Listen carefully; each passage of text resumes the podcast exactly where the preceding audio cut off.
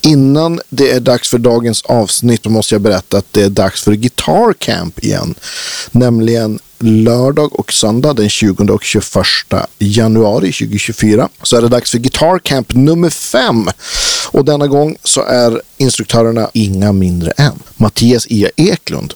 Och Ia har ni säkert koll på. Han har ju sitt band Free Kitchen och sina Free Guitar Camps på somrarna som han har kört i 20 år tror jag. Eh, Ia är ju faktiskt ett unikum i gitarrvärlden med en otroligt säregen spelstil och egna signaturgitarrer och en fantastisk pedagog. Och fruktansvärt rolig också.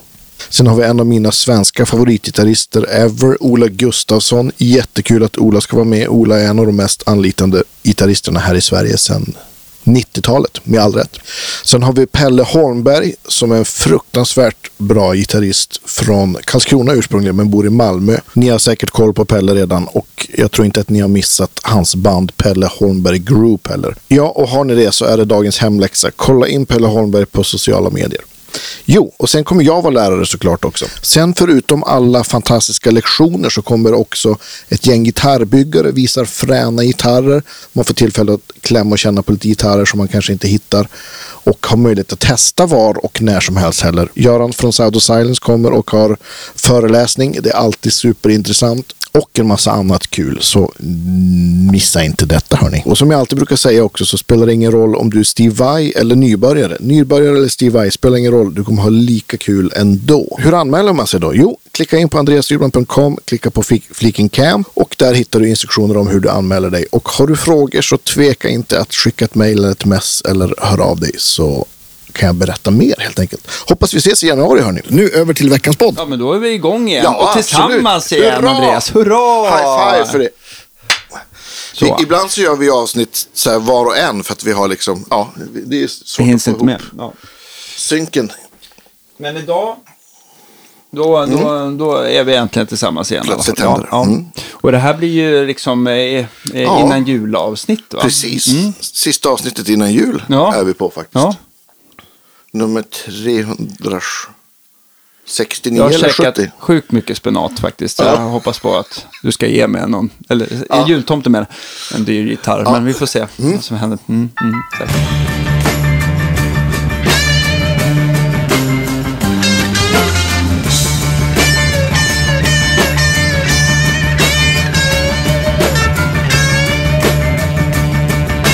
Skämt åsido, välkommen hit Jan Stumsner. Tack så hemskt mycket. Hur känns det att vara här? Fantastiskt. Ja. Du bodde ju delvis i Stockholm, men man hör ju också att du har an, eh, alltså, ja, att du är dalmas helt enkelt. Absolut. Ja. Det får man vara stolt över. Ja, absolut. 90% Falun, 10% Stockholm. Ja, ungefär kan man Ja. säga så. Mm. Och du, fot, du, du, fota, du flyttar från, från mina gamla hoods Älvsjö till, Ja. eh, till Botkyrka nu för att Ja. du skulle komma närmare dotters eh, gymnasium. Stämmer bra det. Cirkus var det. Hon går på Cirkusgymnasiet. Mm. Ja. Ja, just det. Men det är ju där ute i de här stora. Ja. Där har jag gjort proddrep någon gång. Vad heter det där området? Kommer inte ihåg. Jag har dåligt minne. Kyrkbyn heter det där vi... En, faktiskt en liten oas mitt uppe i alltihop där. Ja. Det är helt otroligt. Det är knäpptyst på nätterna och lugnt och fint. Mm. Vandringsstråk. Ja. Jättefint område. Mycket trevligt. Eh, Du har ju eh, sedan 30 år haft ett band som heter P. Floyd. Och man misstänker att ni spelar Pink Floyd då. Och att du... Namnet antyder det och lite. Att du, och, och, och, eh, andra saker man, man, man, eh, man nästan tar för givet är att du, du föredrar att spela på en, svart, eller en strata i alla fall, genom en hi-watt. Stämmer de här eh, förutfattade meningarna jag har? Eller, Nej, de stämmer inte. de stämmer inte? Nej. Mm. Okej. Det är väl, alltså redan från början kan man säga att vi försökte aldrig efterlikna Pink Floyd. Eh, på något sätt. Eh, Så det blev Guns N' Roses det covers blev istället? Guns N' Roses. Nej, så vi, vi, vi älskade ju Pink Floyds musik och vi, vi började jamma lite kan man säga över Pink Floyds musik i någon replokal där det. i, i början på 90-talet. Och sen tyckte vi att det var fasiken vad kul det är. Alltså, vad roligt och, och, vi alla tyckte att det lät bra också med den här uppsättningen vi hade. Så, och, och så började vi liksom mer och mer och sen fick vi en liten spelning en juldag. Och sen rullade det på och sen spred sig ryktet. Och, och vi hamnade väldigt rätt i tiden då, för jag tror att folk var trött på det här av vanliga covers. Som var väldigt populärt Ja, då, väl idag också i och för sig. Så det vart ju något annorlunda. Mm. Man kände igen sig, precis som man gör i eh, covers, men det vart något annorlunda. Men mer ett tributeband kan man säga. Mm. Och då, när det vart då större och vi började spela mer och mer så kände vi att det, vi gör våran grej av det här istället. Liksom. Att vi, alltså jag lägger min personlighet på gitarrspelet, även om det influenser finns naturligtvis. Och, och så även basisten, sångaren, keyboardisten och alltihop det här. Så vi gjorde lite egna arrangemang på Pink Floyds låtar. Om man säger era arrangemang, kan det spreta väldigt mot originalen eller, eller är det tyngre generellt eller är det, är det går det att säga någonting som ni? Ja, det, det går så, ibland är det tyngre än, än originalet. Och, och, och ibland så tar vi ut och kanske gör nästan en akustisk version av vissa Ja, låtar. Där vi liksom, det normalt sett kanske är både keyboard och elgitarr, men vi gör den med akustiska gitarrer bara och sång och inget annat. Så det, det spretar väl åt bägge hållen lite grann. Det är lite som vi, som vi kände i replokalen när vi gick igenom låtarna. Det var lite så det blir. Och när, när kände ni liksom att, ja men fasen det här, det här flyter ju på, det här måste vi ju liksom, vi måste göra ett gig. Det, det måste Ja. ha kommit liksom till att ni har repat så mycket att fasen, det här, det här måste ju folk få höra. Ja, jag fick ju en. Jag, hade ju, jag spelade med i ett husband som heter eh, En man kort. Eh, på Rådhusgården i Falun. Det, är ett ganska så stort utomhusställe med scen där. Mm. Eh, och där var vi husband i två år. Och spelade onsdag, fredag, lördag, onsdag, fredag, lördag hela tiden. Och tog in lite andra band också. Eh, och sen kom eh, eh, chefen för stället och sa så här, vi ska ha en stor julfest. Men vi vill inte ha vanliga bandet. Eh, Ni har spelat så mycket så vi vill göra någonting annorlunda. Okej, så jag låta mig fundera. Så jag gick runt där och tänkte, ja, men kanske det här är läget och, och kanske köra den här Pink Floyd-grejen vi jammar på i studion liksom, och i replokalen. Sagt och gjort, det gjorde vi. Och det var ju ohyggligt populärt. Vad kul. Folk, man såg verkligen folk de tyckte det här var bra. Så vi fick ju spela. Vi spe, det var så lite lokal så vi fick liksom spela om låtarna för det kom in ny publik. Så här, liksom. Och de ville inte att vi skulle sluta. Det var en, en rolig grej. Och sen fick vi en massa förfrågningar efter det här. Vi, vi hörde att ni hade spelat Pink Floyd-musik. Kan ni komma till Gävle och spela? Ja. Kan ni komma till Borlänge? Kan ni komma till den andra restaurangen? Och så, där. och så rullade det på. Det vart lite större varje gång också. Eh, sen tänkte vi att ja, men det här fungerar ju väldigt bra. Nu, nu kliver vi upp ett steg. Nu går vi på på lite större scener. Mm. Eh, och då gjorde vi det. Och det visade sig vara en, en, en positiv sak. Eh, Det kom liksom, vi fyllde ställen för, med 300 personer, vi fyllde med 500, 1500 och du vet, det Ja. gick på så här. Så då, då, och då var det ju liksom en ekonomi i det hela också. Och då kunde vi ju liksom bygga ut scenshowen. Med att ha mer ljus och ha projektor och För det är ju en stor del av liksom, Pink och- Floyds Ja, ja. Liksom, show, alla de här liksom. Visuella grejer. visuella grejer. Så då började vi liksom göra egna videos eh, som vi tolkar som låten. Ja, och just så det. gjorde de själva istället. Liksom. Ja, okej. Alltså det var ju fantastiskt roligt. Men, och det visade sig att det tyckte ju publiken om också. Men de, så det rullade på fint där. Men det här var då, hur, hur fort växte det? Var det liksom under tio år eller? Så här, vi, vi fick väl, när vi verkligen fick komma upp på de, de stora scenerna, det var väl när vi gjorde någon, någon eh, turné och spelade på konserthus runt om i, i Sverige. Just det. Eh, då kände man ju att det var på riktigt. Ja. när, man kom ut så. Och sen 2000... Puh, undrar om det var 2006 eller 2004. Då, då, efter tre års tjat på kultureliten i Sverige så fick vi komma till Dalhalla. ja. Det var ju en, det var ju en, en operascen. Just det. Ja, det fick ju inte komma några elektriska gitarrer och grejer där. Ah, Men eh, så ni Ja. var första bandet som, ja, som spelade ofrälsemusik? att var ju det. det var, Robert Wells var också väldigt tidig där. Ja. Eh, Ja, det är helt otroligt. Jag var tre möten var jag med dem och eh, vi, vi pratade och jag spelade upp musik och jag förklarade hur vi skulle göra och allting. Och det, eh, det kan man ju berätta nu för det är så länge sedan. Så det var så kul. Vi, efter mötet eh, vi hade där så gick jag därifrån och då var det en som, som jag jobbade tillsammans med väldigt nära som jobbade inom organisationen. Han sa så här. Ja, sa han, det, det, men det här går nog bra det här Jan, sa han. De var positiva. De här äldre damerna i, i kulturföreningen sa att, att jag var en trevlig kille. För jag hade ju vare sig piercingar eller tatueringar. Då, då förstår ni, då Ja, förstår ni vilken Ja, det- nivå Jag det kommer var. aldrig få spela på Dalhalla. Nej. Nej, nej, då, då förstår ni vilken nivå det låg på där i diskussionerna. Liksom. Ja, Ja. ja, väldigt roligt. Nu har det ju ändrats kan jag säga. Ja. Mm. Men Dalhalla, men jag, jag antar att det gick väldigt bra när ni fick spelningen där. Det var fullt i två dagar. Det är ju helt fantastiskt. Helt sjukt. Vad- Hur mycket var ryms det där? Jag har Ja, då var det ju scenen. Nu tar de in 5000, över 5000. Då tog de in 3000 någonting. Just det. 3600 kanske. Och vi fyllde det två dagar. Så det var Men ju jag också kan tänka mig att det är liksom en perfekt scen för en sån typ av absolut. show. Liksom. Du har ju de här bergväggarna runt om också som går att ljussätta. Så det Mm. Just blir ju det, en, ja. en enorm visuell upplevelse när man är där. Har, har ni lyckats hålla liksom samma sättning i 30 år eller är det mycket folk som har kommit och gått? Eller? Nej, det, det har vi inte gjort. Det, vi har ju basisten och trummisen Claes Annerhäll som spelar trummor nu. är ju då en, en, en välkänd trummis, spelar med bland annat Sven-Ingvars och, och lite andra band.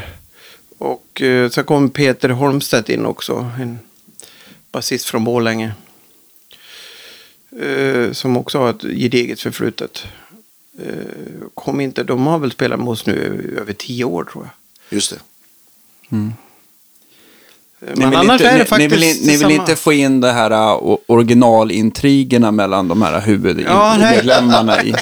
nej, nej, vi är inte där. Nej, ni är inte där, ja, vi kommer nog inte dit. Nej, skönt. Bra. Men, ni har väl, ni, men, men det har väl vuxit från att ni, jag vet inte, ni kanske var fyra, fem i början, men jag har ju sett Ja. bilder från när ni kör Dalhalla nu så är det ju liksom, det är kör och det är slagverk och det är... Ja, det, vi har i skog, vi har en, en, en liten epok som betyder mycket för oss. Och i skog också, jag bodde ju utanför Falun. Mm. Eh, två mil utanför Falun. Och där fanns en gigantisk lada som var ett gammalt mobbförråd en gång i tiden. Okej. Det där, när jag köpte det där så rev vi ut alltihop. Eh, och sen byggde vi en stor scen där inne på 85 kvadrat. Ja. Och sen sa jag så här att här ska vi spela Pink Floyd-musik, sa jag. Och vi hade replokal i, andra änden av lokalen där. Och så jag sa ta till grabbarna, nu ska ni få se på något roligt. Så jag, kom, följ med mig. Så, så jag tog dem och gick ut på gården. Och gick in i den här gigantiska ladan som är nästan lite kyrklig när man kommer in. Det är 18 meter till tak. Oj. Eh, och sen hade vi börjat på lite grann där och sa att här ska vi ha en årlig Pink Floyd-fest och spela Pink Floyd-musik, sa jag. Så jag fortsatte då i min vision och babbla där. När jag vände mig om, då hade de gått. De trodde inte på De, dig. de, de stod inte ens kvar och lyssnade. Tänkte jag, men vad fan nu då? Förstår de ingenting? Så jag gick ju, fick ju springa efter dem då. Så de var ju, var ju ingen som trodde på det där. Alltså, nu har han ju fått spel i huvudet på riktigt. Men jag gav mig fan på det där. Så jag fortsatte då tillsammans med några eh, vänner. Och byggde den där scenen och drog dit el. Och första året kom det väl 250 pers kanske, 300 som hade hittat ut dit. Och sen spred det sig. Och det här var ju då i internets begynnelse lite grann. Så tidigt, Ja. sent 90, tidigt 2000 typ. Ja. Eller, eller mitten 90. Jag kan- Sökte man på Google på den tiden, svenskt rockband, så kom P-Floyd upp först. Okej. För en av mina bästa vänner var en riktig eh, internetnörd. Ja, kul.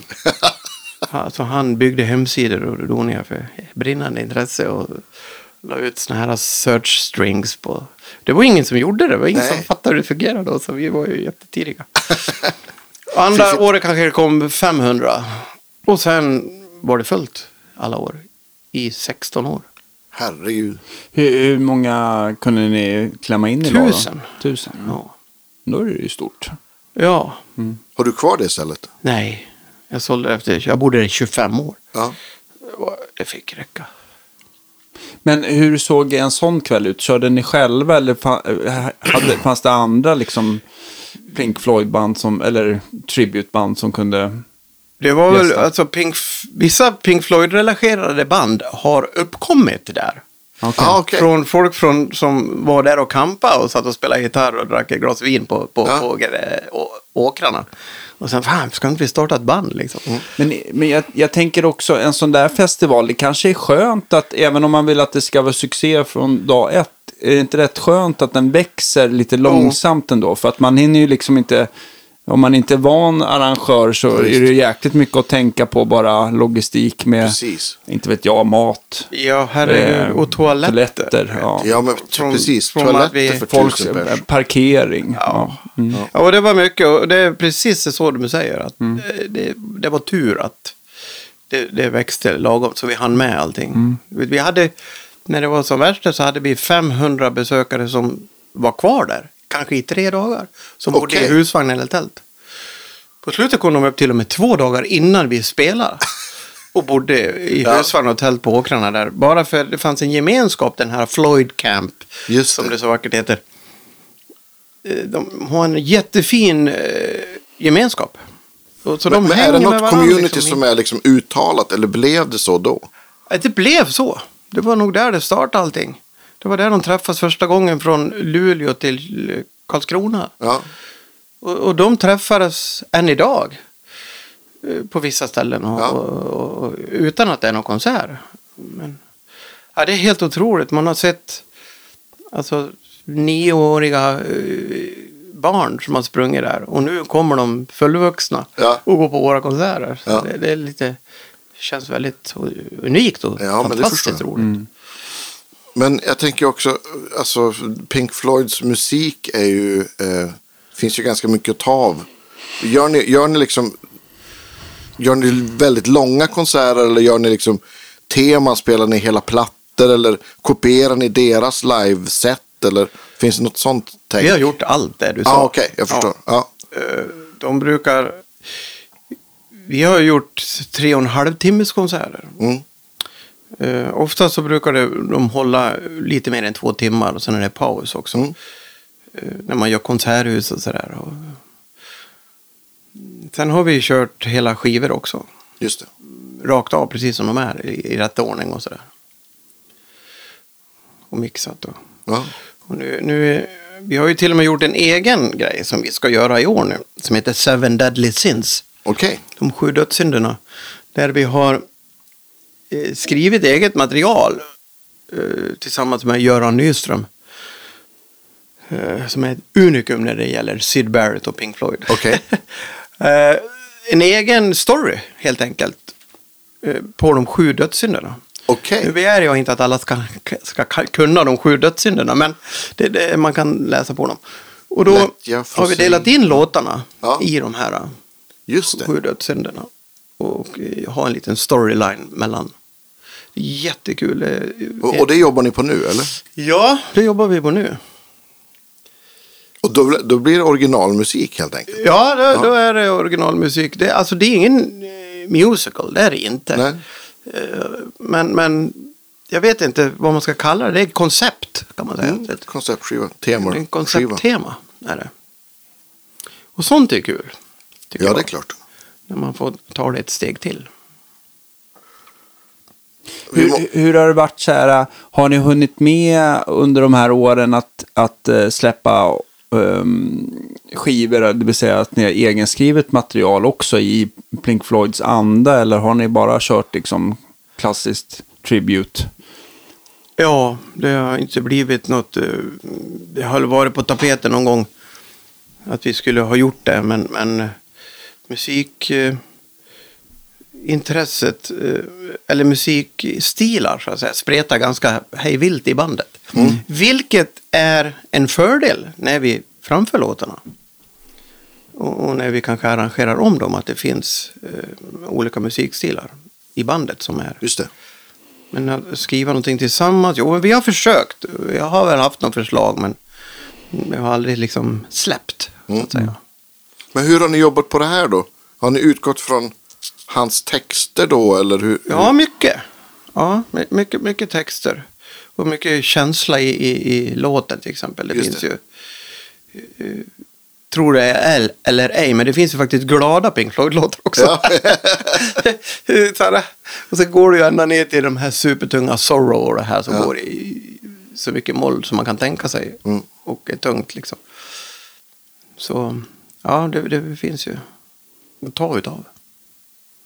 Jag tänker också sätta upp ett, ett tre timmars program. Det, det, är, det, det, är mycket, det är mycket att liksom... Ja, Och, och jag menar, sätta, sätta sig in i, jag förstår, mycket saker har ni säkert spelat förut, men det måste ju också vara så att, att ni känner kanske att ni måste göra något inför varje, säg Dalhalla. Att Det kan liksom inte vara som förra året, att det måste vara... nej. Vi försöker, det finns ju en ganska så stor låtskatt. Mm. eh, att gräva i. Det finns ju, vi har även kört alltså bara rena Roger Waters-låtar. Just det. Ifrån den här Muse to Death och, alla de här skivorna som är, Mm. jag, jag älskar.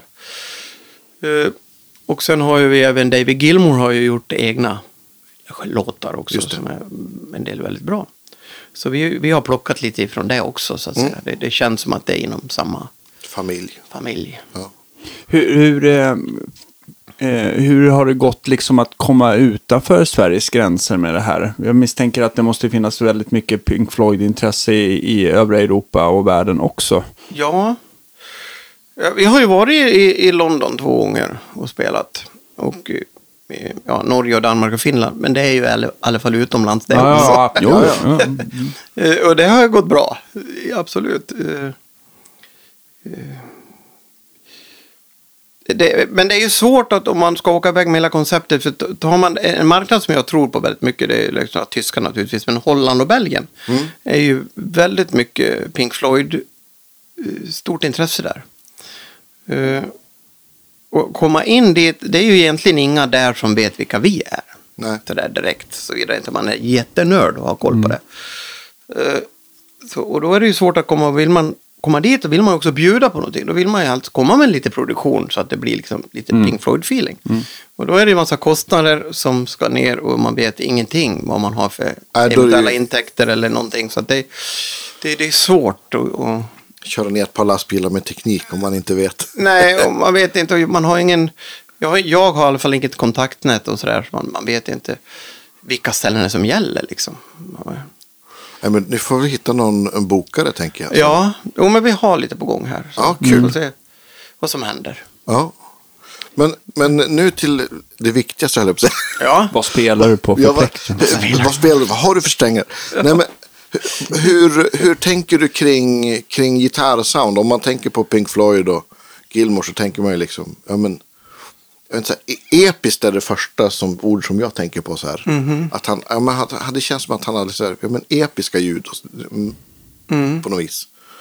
du tänker flummiga ju. Ja, men flummiga, jag vet inte. Ep, Eller episka. Ja, Ja, men, precis, Men det är ju lite mycket atmosfär i hans, Atmosfär, ja, men precis.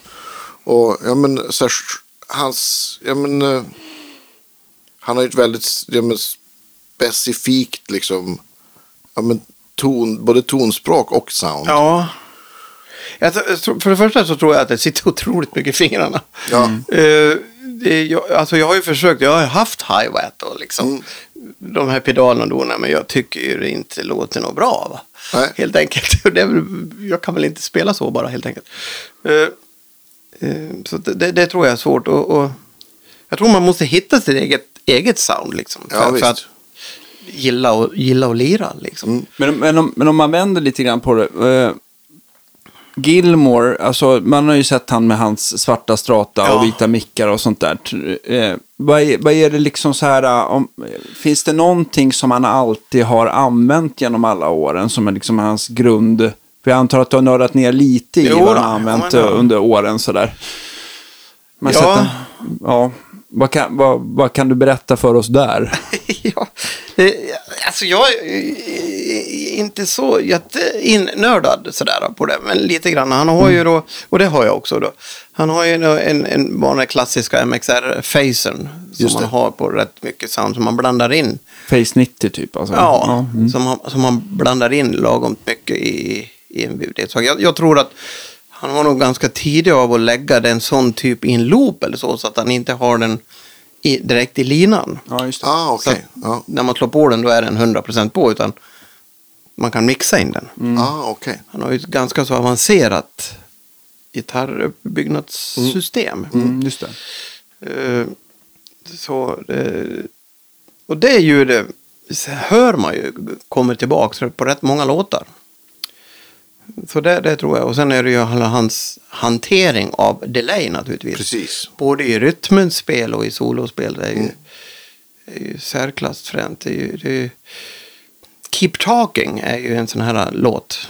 Jag inte vet om ni har lyssnat på så mycket. Men det är ju en otroligt rytmiskt delay-spel hela tiden på den. Över ackord också. Just det.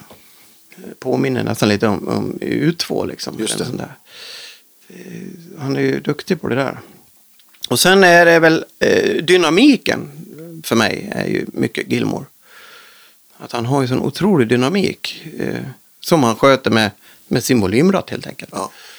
Att när han vrider på då, då, flax, då, då flaxar det i byxorna. Och Ja. drar man ner så blir det lite lugnare. För jag har sett lite olika sådär hur han har, han, jag är ju absolut ingen Pink Floyd-expert eller sådär, men det lilla man har, alltså man har ju sett hans svarta strata med lönnhals och sådär. Sen vill jag minnas att han har väl kört lite tidiga bilder, då känns det ju som att han använt de mickarna som fanns att tillgå från Fender, men att det var, var lite senare att han körde typ EMG eller aktiva mickar och, och, eh, och senare på hans signaturmodell har jag för mig att jag undrar om det, då var det väl inte EMG, om det bara var någon sån här Lace, Fen- Fender Noiseless eller, Ja. eller om han körde någon, någon vanlig single coil, det kommer jag inte ihåg riktigt. Vad han sådär. själv har sagt är ju bara att han vill ju bara bort från det här bruset och noiset och, Mm, och störningar som, som var ganska... Det förstår jag i och med att han... De spelar ju väldigt mycket soft liksom. Där det bara kanske ligger en stråkmatta och Ja, sen, visst. sen lirar han en mel- melodi över det. Mm. Eller en orgel. Och då är det ju inte kul att Nej, liksom, ha, ha en komradio som kommer in helt plötsligt eller liknande. Nu men kanske visst. den tiden är förbi men Ja. på 70-talet så var det ju så. Ja, ja, visst. Just det, men det, är liksom, det har väl varit liksom, alltså, strata med aktiva mickar vad jag förstått Ja. det som. Men det har inte varit så mycket eh, humbuckers och, och eh, andra gitarrer. Nej, han har väl, han har väl en Gibson Les Paul. Den, det är faktiskt den du hör på Brick in the Wall. Jaha, vad kul. Det visste inte jag. Man, man kan tro att det är en stratta, men det är faktiskt inte det. Okej. Även kul. solo spelas på en Les Paul. Vad roligt, det här måste jag lyssna på sen. Ja, det får du göra. Ja. Det, det, det, har, Fortsätt det prata är han så ska själv jag bara som har sagt hjälpa i alla fall. John om inte han hittar, han skulle till en kund där och lämna en gitarr. Ska jag bara se Jag förstår. Du får ta hand om dina kunder. Nej, men det, ja, det han kommer ihåg. Ja, Man titta. kan alltid lita på Ja, John. det är bra. Ja, Förlåt att jag...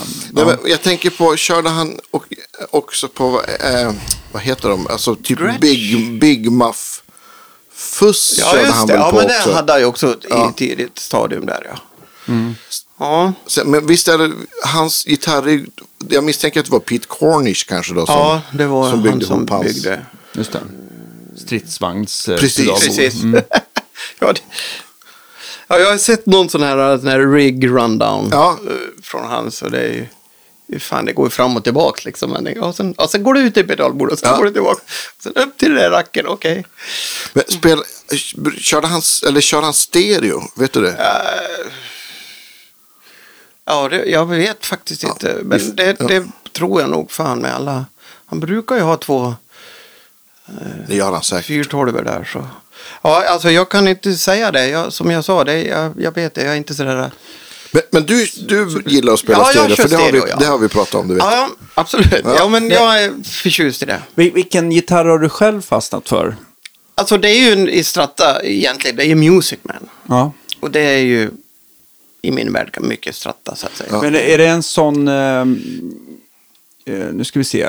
Silhouette. Silhouette. Just det, ja, just det. Den som är mest uh, strata-lik. Ja, Just det, just det. Just det. Den är otroligt skön tycker jag. Den, den ett gediget arbetsredskap. Sen har jag även Sen har jag även eh, en Lok 3, mm, så jag tycker den eh, låter fantastiskt bra. Men Luke 3, då har, han, då har han inte EMG längre, utan då har han väl kört de här uh, Dimarsio. Ja, Just det, just det. och, det, och han har en boost också i den gitarren så man kan Aha, okej. trycka på volymknappen så hoppar den ut som boostar den lite. Och den tänkte jag, ja men det kommer behöver jag väl inte använda. Men vad fel jag har. Jag använder den otroligt mycket. Okej. Jag tycker det är otroligt skönt. Just på crunch och, och rena ljudet.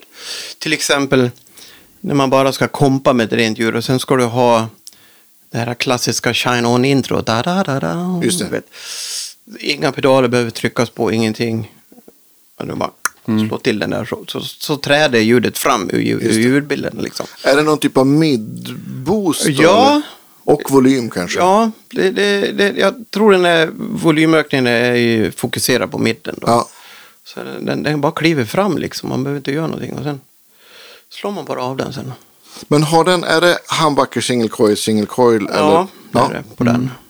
Eller det är det på alla mina gitarrer. Just det. Men jag kan ju splitta handbacken också. Men, men eh, visst är det så att på silhuetterna, de brukar väl vara många av dem, eh, de har väl kört både sina egna, men det har väl varit ganska mycket DiMarzio Ja, på deras precis. gitarrer annars va? Eller har, jag. vad har du valt att använda på din silhuett?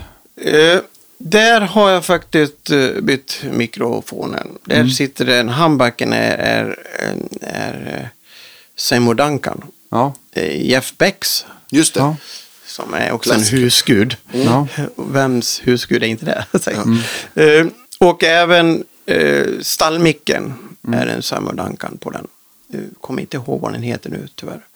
Ja, så du har, som en, du har en liten, alltså en Jeff Beck Junior i halsen eller mittläget? Eller är det, för Jeff Becken är ju en sån här klassisk handbacker stallmick, tänker jag. Ja, Ja, men det- det finns som stackar va?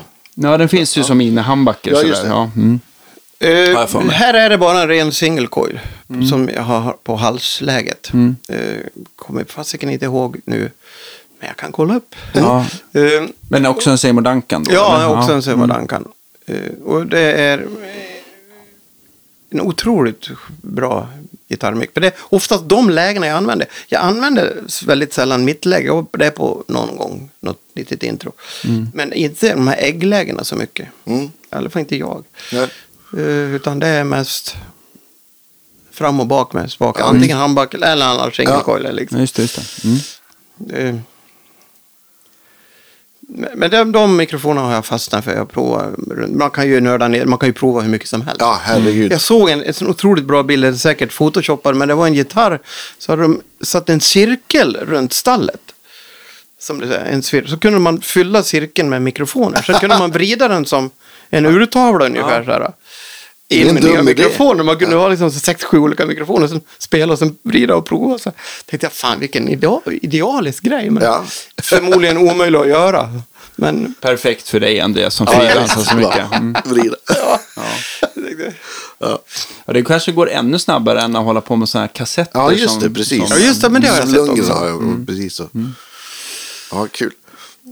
Och sen har man en mikrofon och tänker åh den här låter jättebra. Sen, sen tar man den mikrofonen eller man, man köper en liknande, en, li, en likadan gitarr. Så sätter man i sin eh, Rosewood-gitarr.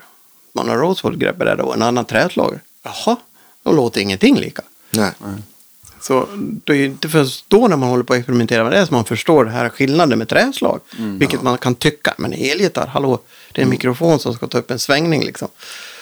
Men ack vad man... För Luken har väl alltid haft, eh, ro, de kör väl Ja, alltid det är. Rosewood. Ja, Ja. precis. Men silhuetterna finns väl med båda och Precis, misstänker jag. Men du har valt en lönnhals kanske då? Ja, Eller jag har. Rosewood på bägge Rosewood på bägge, okej. Ja, jag har en, en lönnhals också. Men... Mm. Ja, det har blivit så. Det... Jag försöker lugna ner mig med det där äh, gitarrnörderiet lite grann. Ja, det är en dyr på. Mm. på, på ålderns höst. ja, det ska gudarna veta.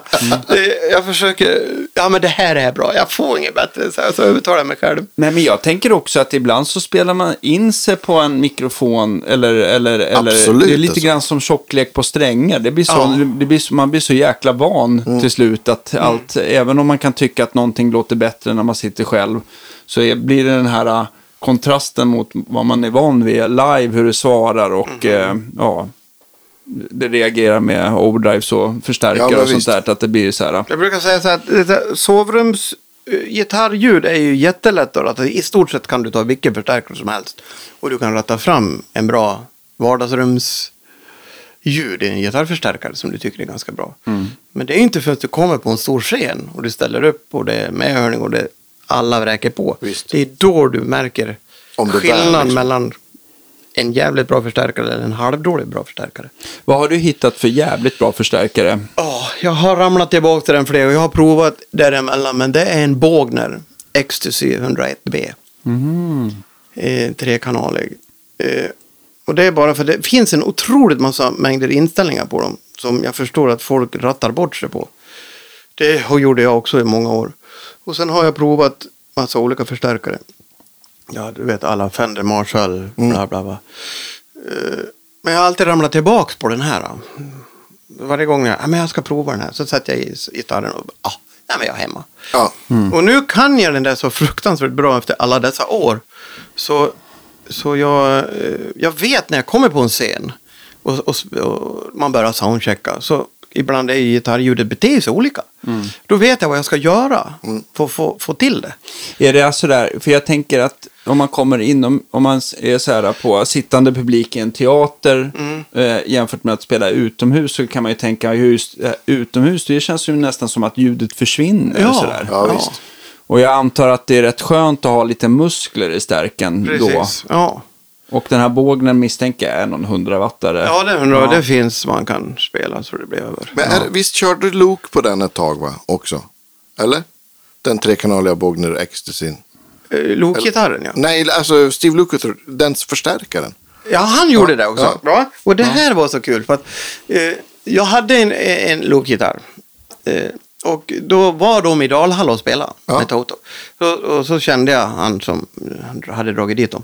Så jag sa, Fan, kan inte du fixa så här för att komma in bakom? Det skulle vara kul om han fick en signera gitarr. Ja. Jag menar, det är en gammal liksom hero sådär. Ja, såklart. Mm. Eh, Så, N- när var det här?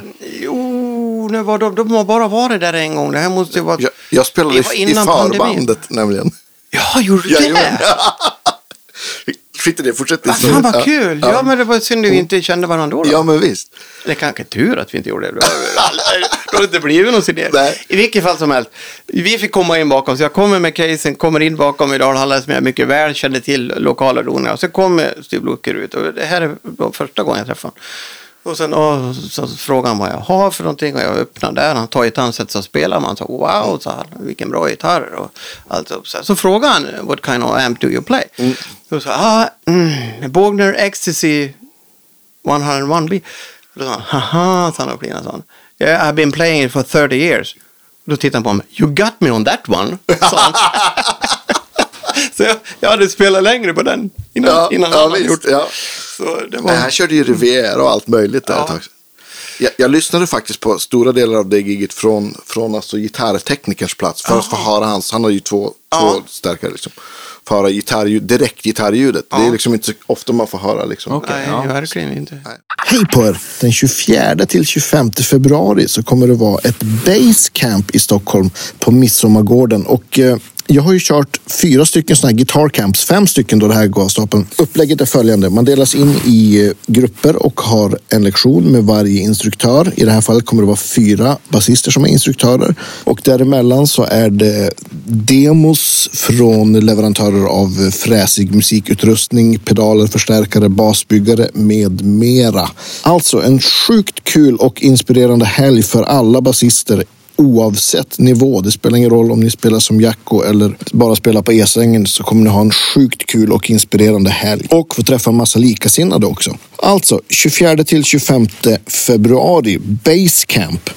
Missa inte det här. Och alla ni gitarrister, säg till era basistkollegor att det här får de ju faktiskt ta och, eh, och komma på. Men jag tycker att det är så himla... Eh,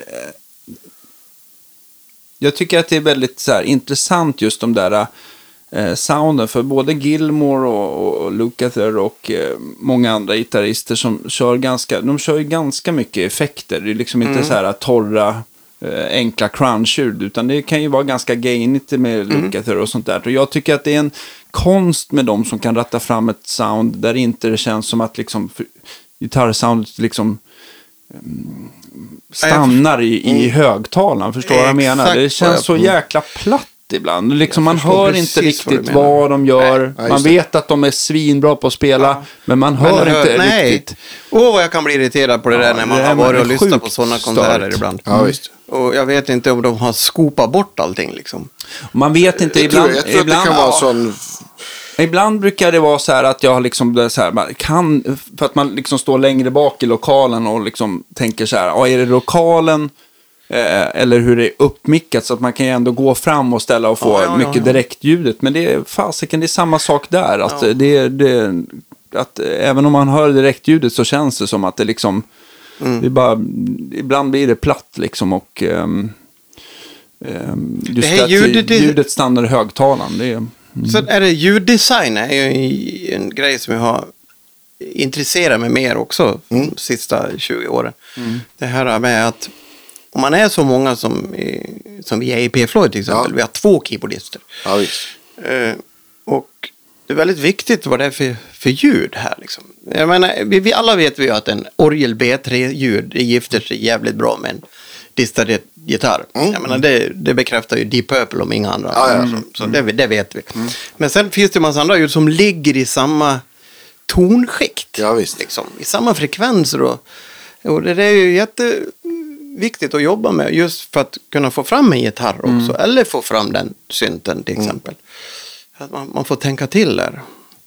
Och det, det kan vara lite intressant för det kan, ibland kan man ta bort bara en sak och sen helt plötsligt bara låter. Oj, nu hör jag precis orgeln bättre. Nu hör min gitarr bättre. Och körerna kom fram. Och då har man bara tagit bort ett instrument. Det är ganska fascinerande det där.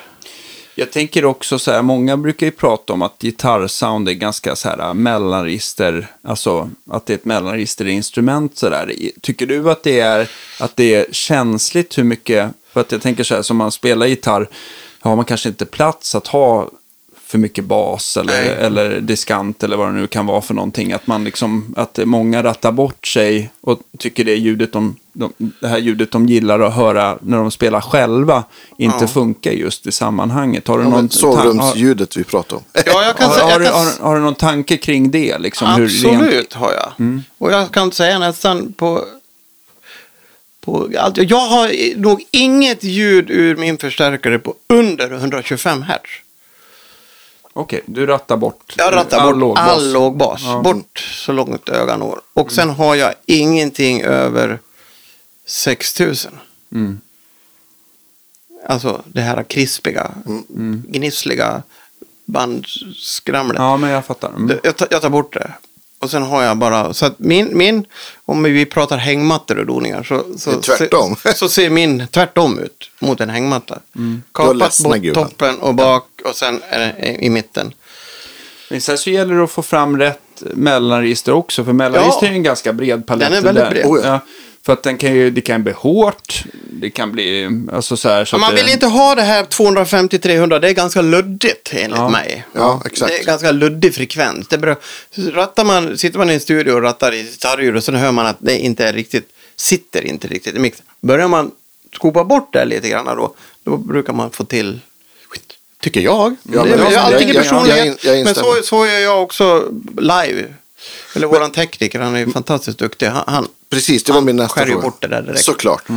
Men ni måste ju ha en tekniker som ni jobbar med hela tiden då. Det går ju liksom inte bara komma till... Vi har ju samma Magnus Eriksson från Sekab. Han är förbannat grym alltså. Ja. Och det, man blir aldrig besviken.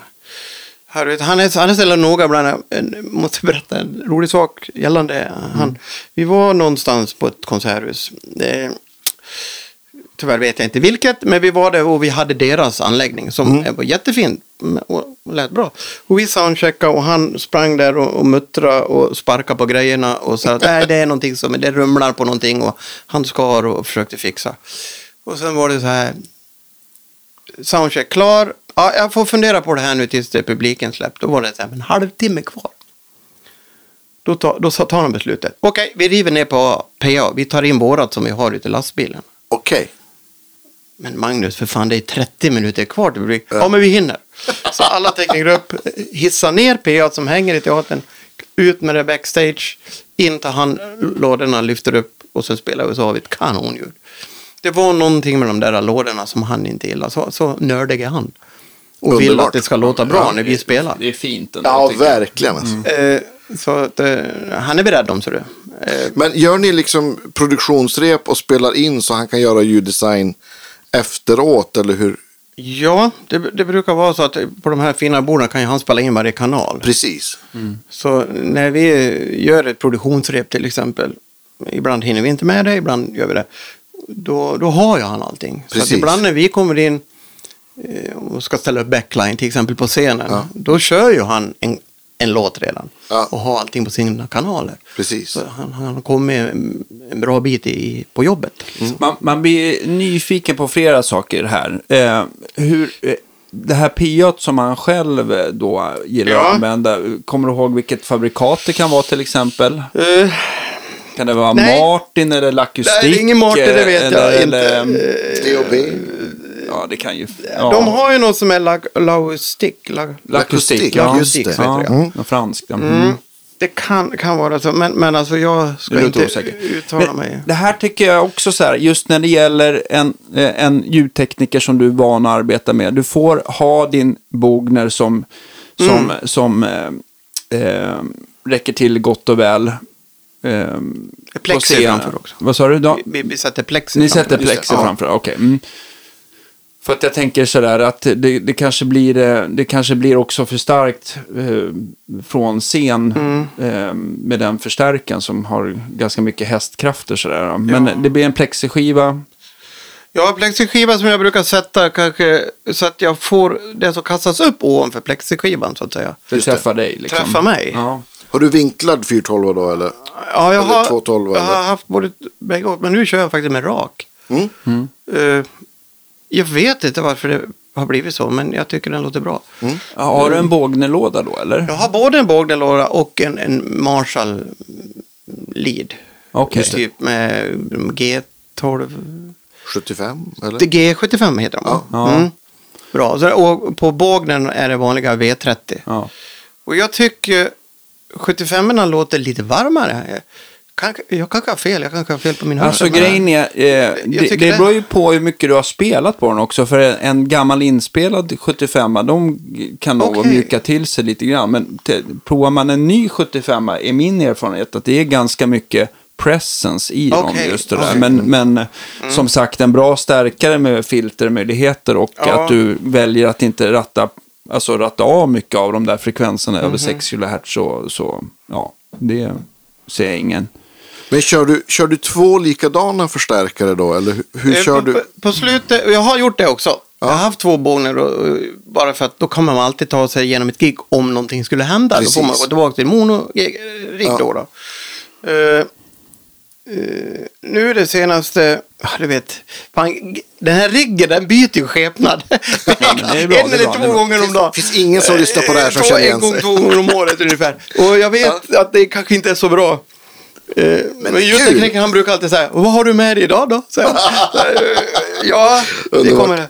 Men så just nu så tycker jag det är jättekul att ha bågnen som, som master-grej där. Och sen har jag en Mesa Boogie eh, 290, heter de så? Ja, just det är det. slutsteget. Steg, ja, Ja, just just det. det. Och sen använder jag en kanal utav det och kör det andra. Just det. Då tycker jag du får en liten karaktärsskillnad också. Just det, för det är lite olika slutsteg. Ja, lite visst. olika slutsteg. De, de, de beter sig lite, lite olika. Och då tycker jag det vart bara fränare av allting. Och det Men de- tror jag... Absolut, de fyller i lite för varandra. Ja, och ja, även om du har exakt. två olika lådor Precis. som, som en V30 och de här 75, de kan ju också, de, de fyller också i lite Ja, varandra. Så man exakt. upplever att det blir lite flackare liksom. Ja, Mm. ja, ja, Eller bala- ja. mer balanserat. Ja, jag är riktigt kär i det här ljudet just nu.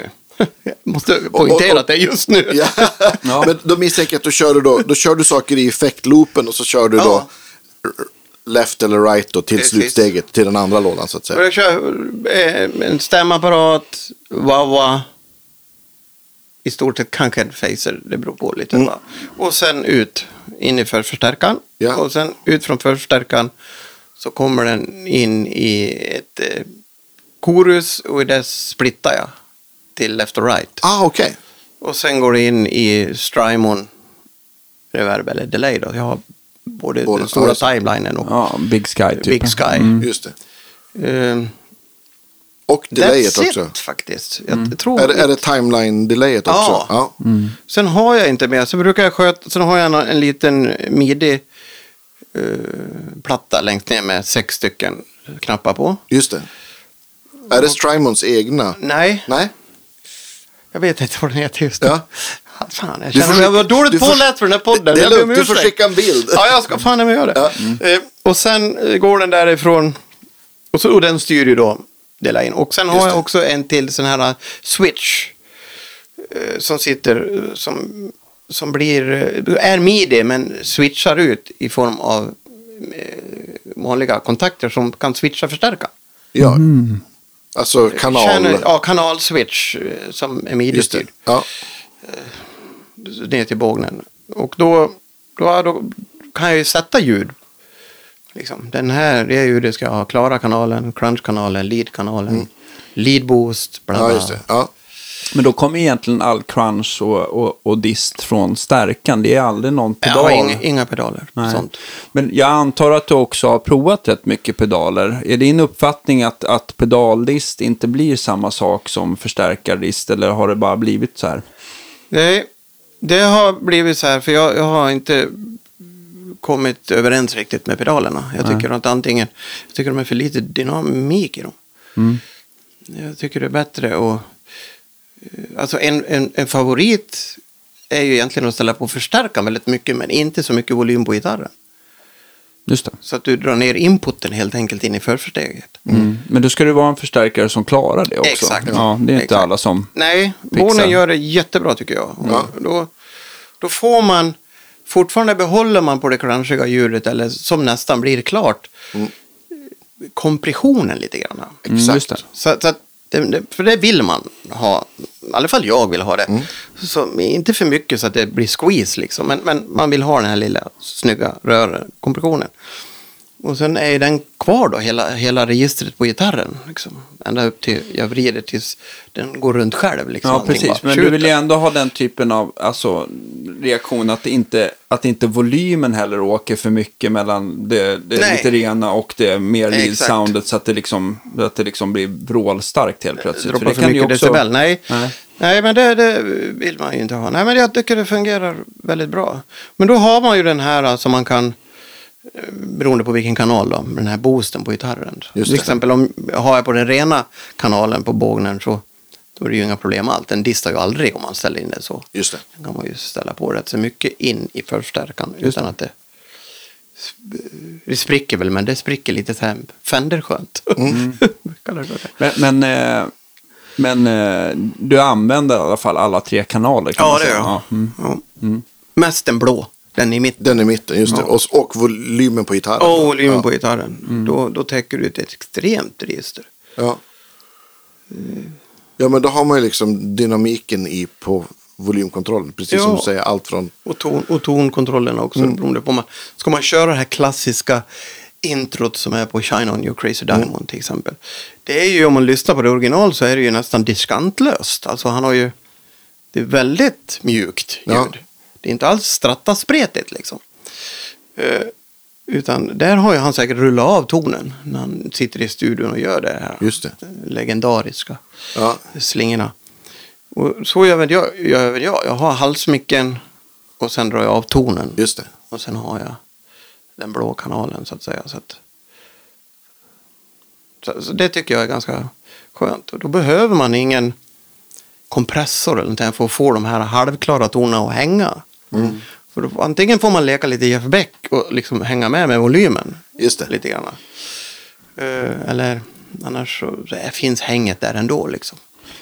Men jag tänker också, eh, nu glömde jag bort vad din kära tekniker hette. Som, Magnus Eriksson. Ma- Magnus.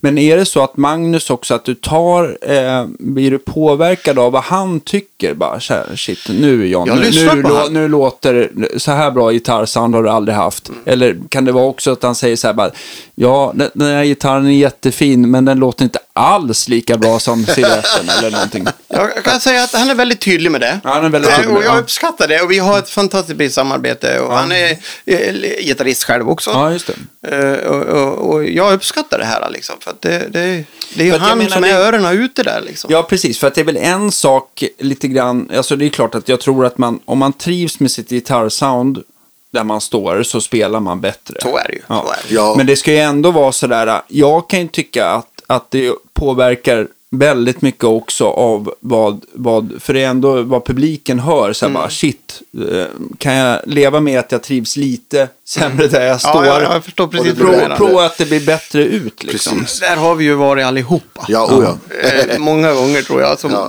man har varit ute och lirat lite så. Ja, det där är ju ett ständigt dilemma. Det är därför det är så skönt. Det är därför jag tycker det är obehagligt ibland. Och plexit gör ju sitt lite grann, men ändå. Utifrån att man kommer på ställen där folk sitter framför smalbenet på en. Och, och de har huvud... De, de sitter alltså för nära. Ja. Och sen ska vi spela liksom rock'n'roll som det trots allt är. Liksom. Det ska ju vara lite tryck tycker jag. Och så står man där med förstärkaren liksom, och vräker på. Men, men brukar inte höra något klagomål faktiskt. Nej, det är nog ganska bra. Ja, alltså, det här plexi gör ju jättemycket. Till exempel i Dalhalla har man ju inget plexi. Nej, då behövs Det är ju inget, det är ju bara skönt att ha den där att tre meter bakom och sen Ja. ställa ljudet så att när du står vid ditt pedalbord då kan du ha full gain, full volym och du hör ett brus och när du slår an så är det som någon som sparkar dig i ryggen. Ja. Och gitarren hänger kvar. Tar jag ett steg bakåt då börjar den gå runt. Då blir man ju glad. Man får Förstår du ställa liksom? så starkt. Ja, men jag förstår när man hittar den här balansen. Oj, oj, oj, då då ja, står visst. man ju och bara ler med hela Ja. världen. Liksom. Ja. Att man, man kan ta en ton och så Det ta är ett steg därför ni gör så långa gig. Exakt! You got me! Så när man står där och sen bara går man ett steg bakåt och vrider sig lite så kommer Ja, visst. så går den runt och då är det ju kul alltså. Ja. Gött. Men eh, det är ju inte så Ja, på alla det- det- ställen kan jag säga. Nej. Det där är ju svårt att förklara för någon. Det Nej, där det måste går man ju uppleva liksom. Ja, men Mm. visst. En speciell känsla. Ja, det, ja, det är skönt. Det är de gånger man lever på det. Är som en men, men, golfare. men, men liksom. sådana sound är ju liksom, alltså att, att ha det så, då är ju de här utomhusscenerna när ändå liksom ljudet nästan blåser bort. Mm, Eh, ändå, liksom det är, att man kan bräka på på det där sättet. Så. Ja, då är det. Då är det Ja. roligt. Har, har, har, Magnus valt att, eh, för jag tänker också det här med uppmickning av dina Mm. lådor eller förstärkare, det är ju också en liten eh, konst och tycke och smak. Är det den klassiska SM57 eller hur gör han? Ja, han, vi har experimenterat jättemycket. Ja. Vi har haft vanliga SM57, vi har den här uh, Sennheiser 609. Mm. Fyrkantiga. Eh, men nu har han någon, någon eh, stor mikrofon. Eh, jag vet fasiken inte vad den heter, men jag, jag tror det kan vara en bandmikrofon. Eller, Okej. eller om det är något. Eh, En lite större tub, men han sätter... Så är den fyrkantig? eller? Nej, den är rund. Fan, Så ser skulle det, ser det ut som en, alltså en handhållen mick? Eller? Nej, den är, påminner lite mer om den, den här Ja, som det. har framför ja, oss. Okej. Bara svart? Ja, Det kan Och, nej men vänta nu, men- själva gallret är nog... Förstår du? Micken är rund och sen gallret är lite platt och lite inåtlutat så. Jaha, okej. Det kan ju vara en kondensatormick också. Ja. Så att det behöver inte vara en bandmick. Men, men, eh, men eh, Jag skulle ha läst på med lite saker där, men äh, den här... Jag kan skicka till er. Ja, absolut. absolut. Ja. Kul, att, kul att... För att jag menar, jag, eh, lite grej, alltså våran idé med den här podden är ju att vi vill ju att folk ska Sprida alla, alla sprida kunskap, att, Ja, alla visst, ska få så. alltså, ett bättre ljud. Och då Ja. det, tycker jag att det är roligt med, med, med alla... Precis. För det här är inte live. Ja.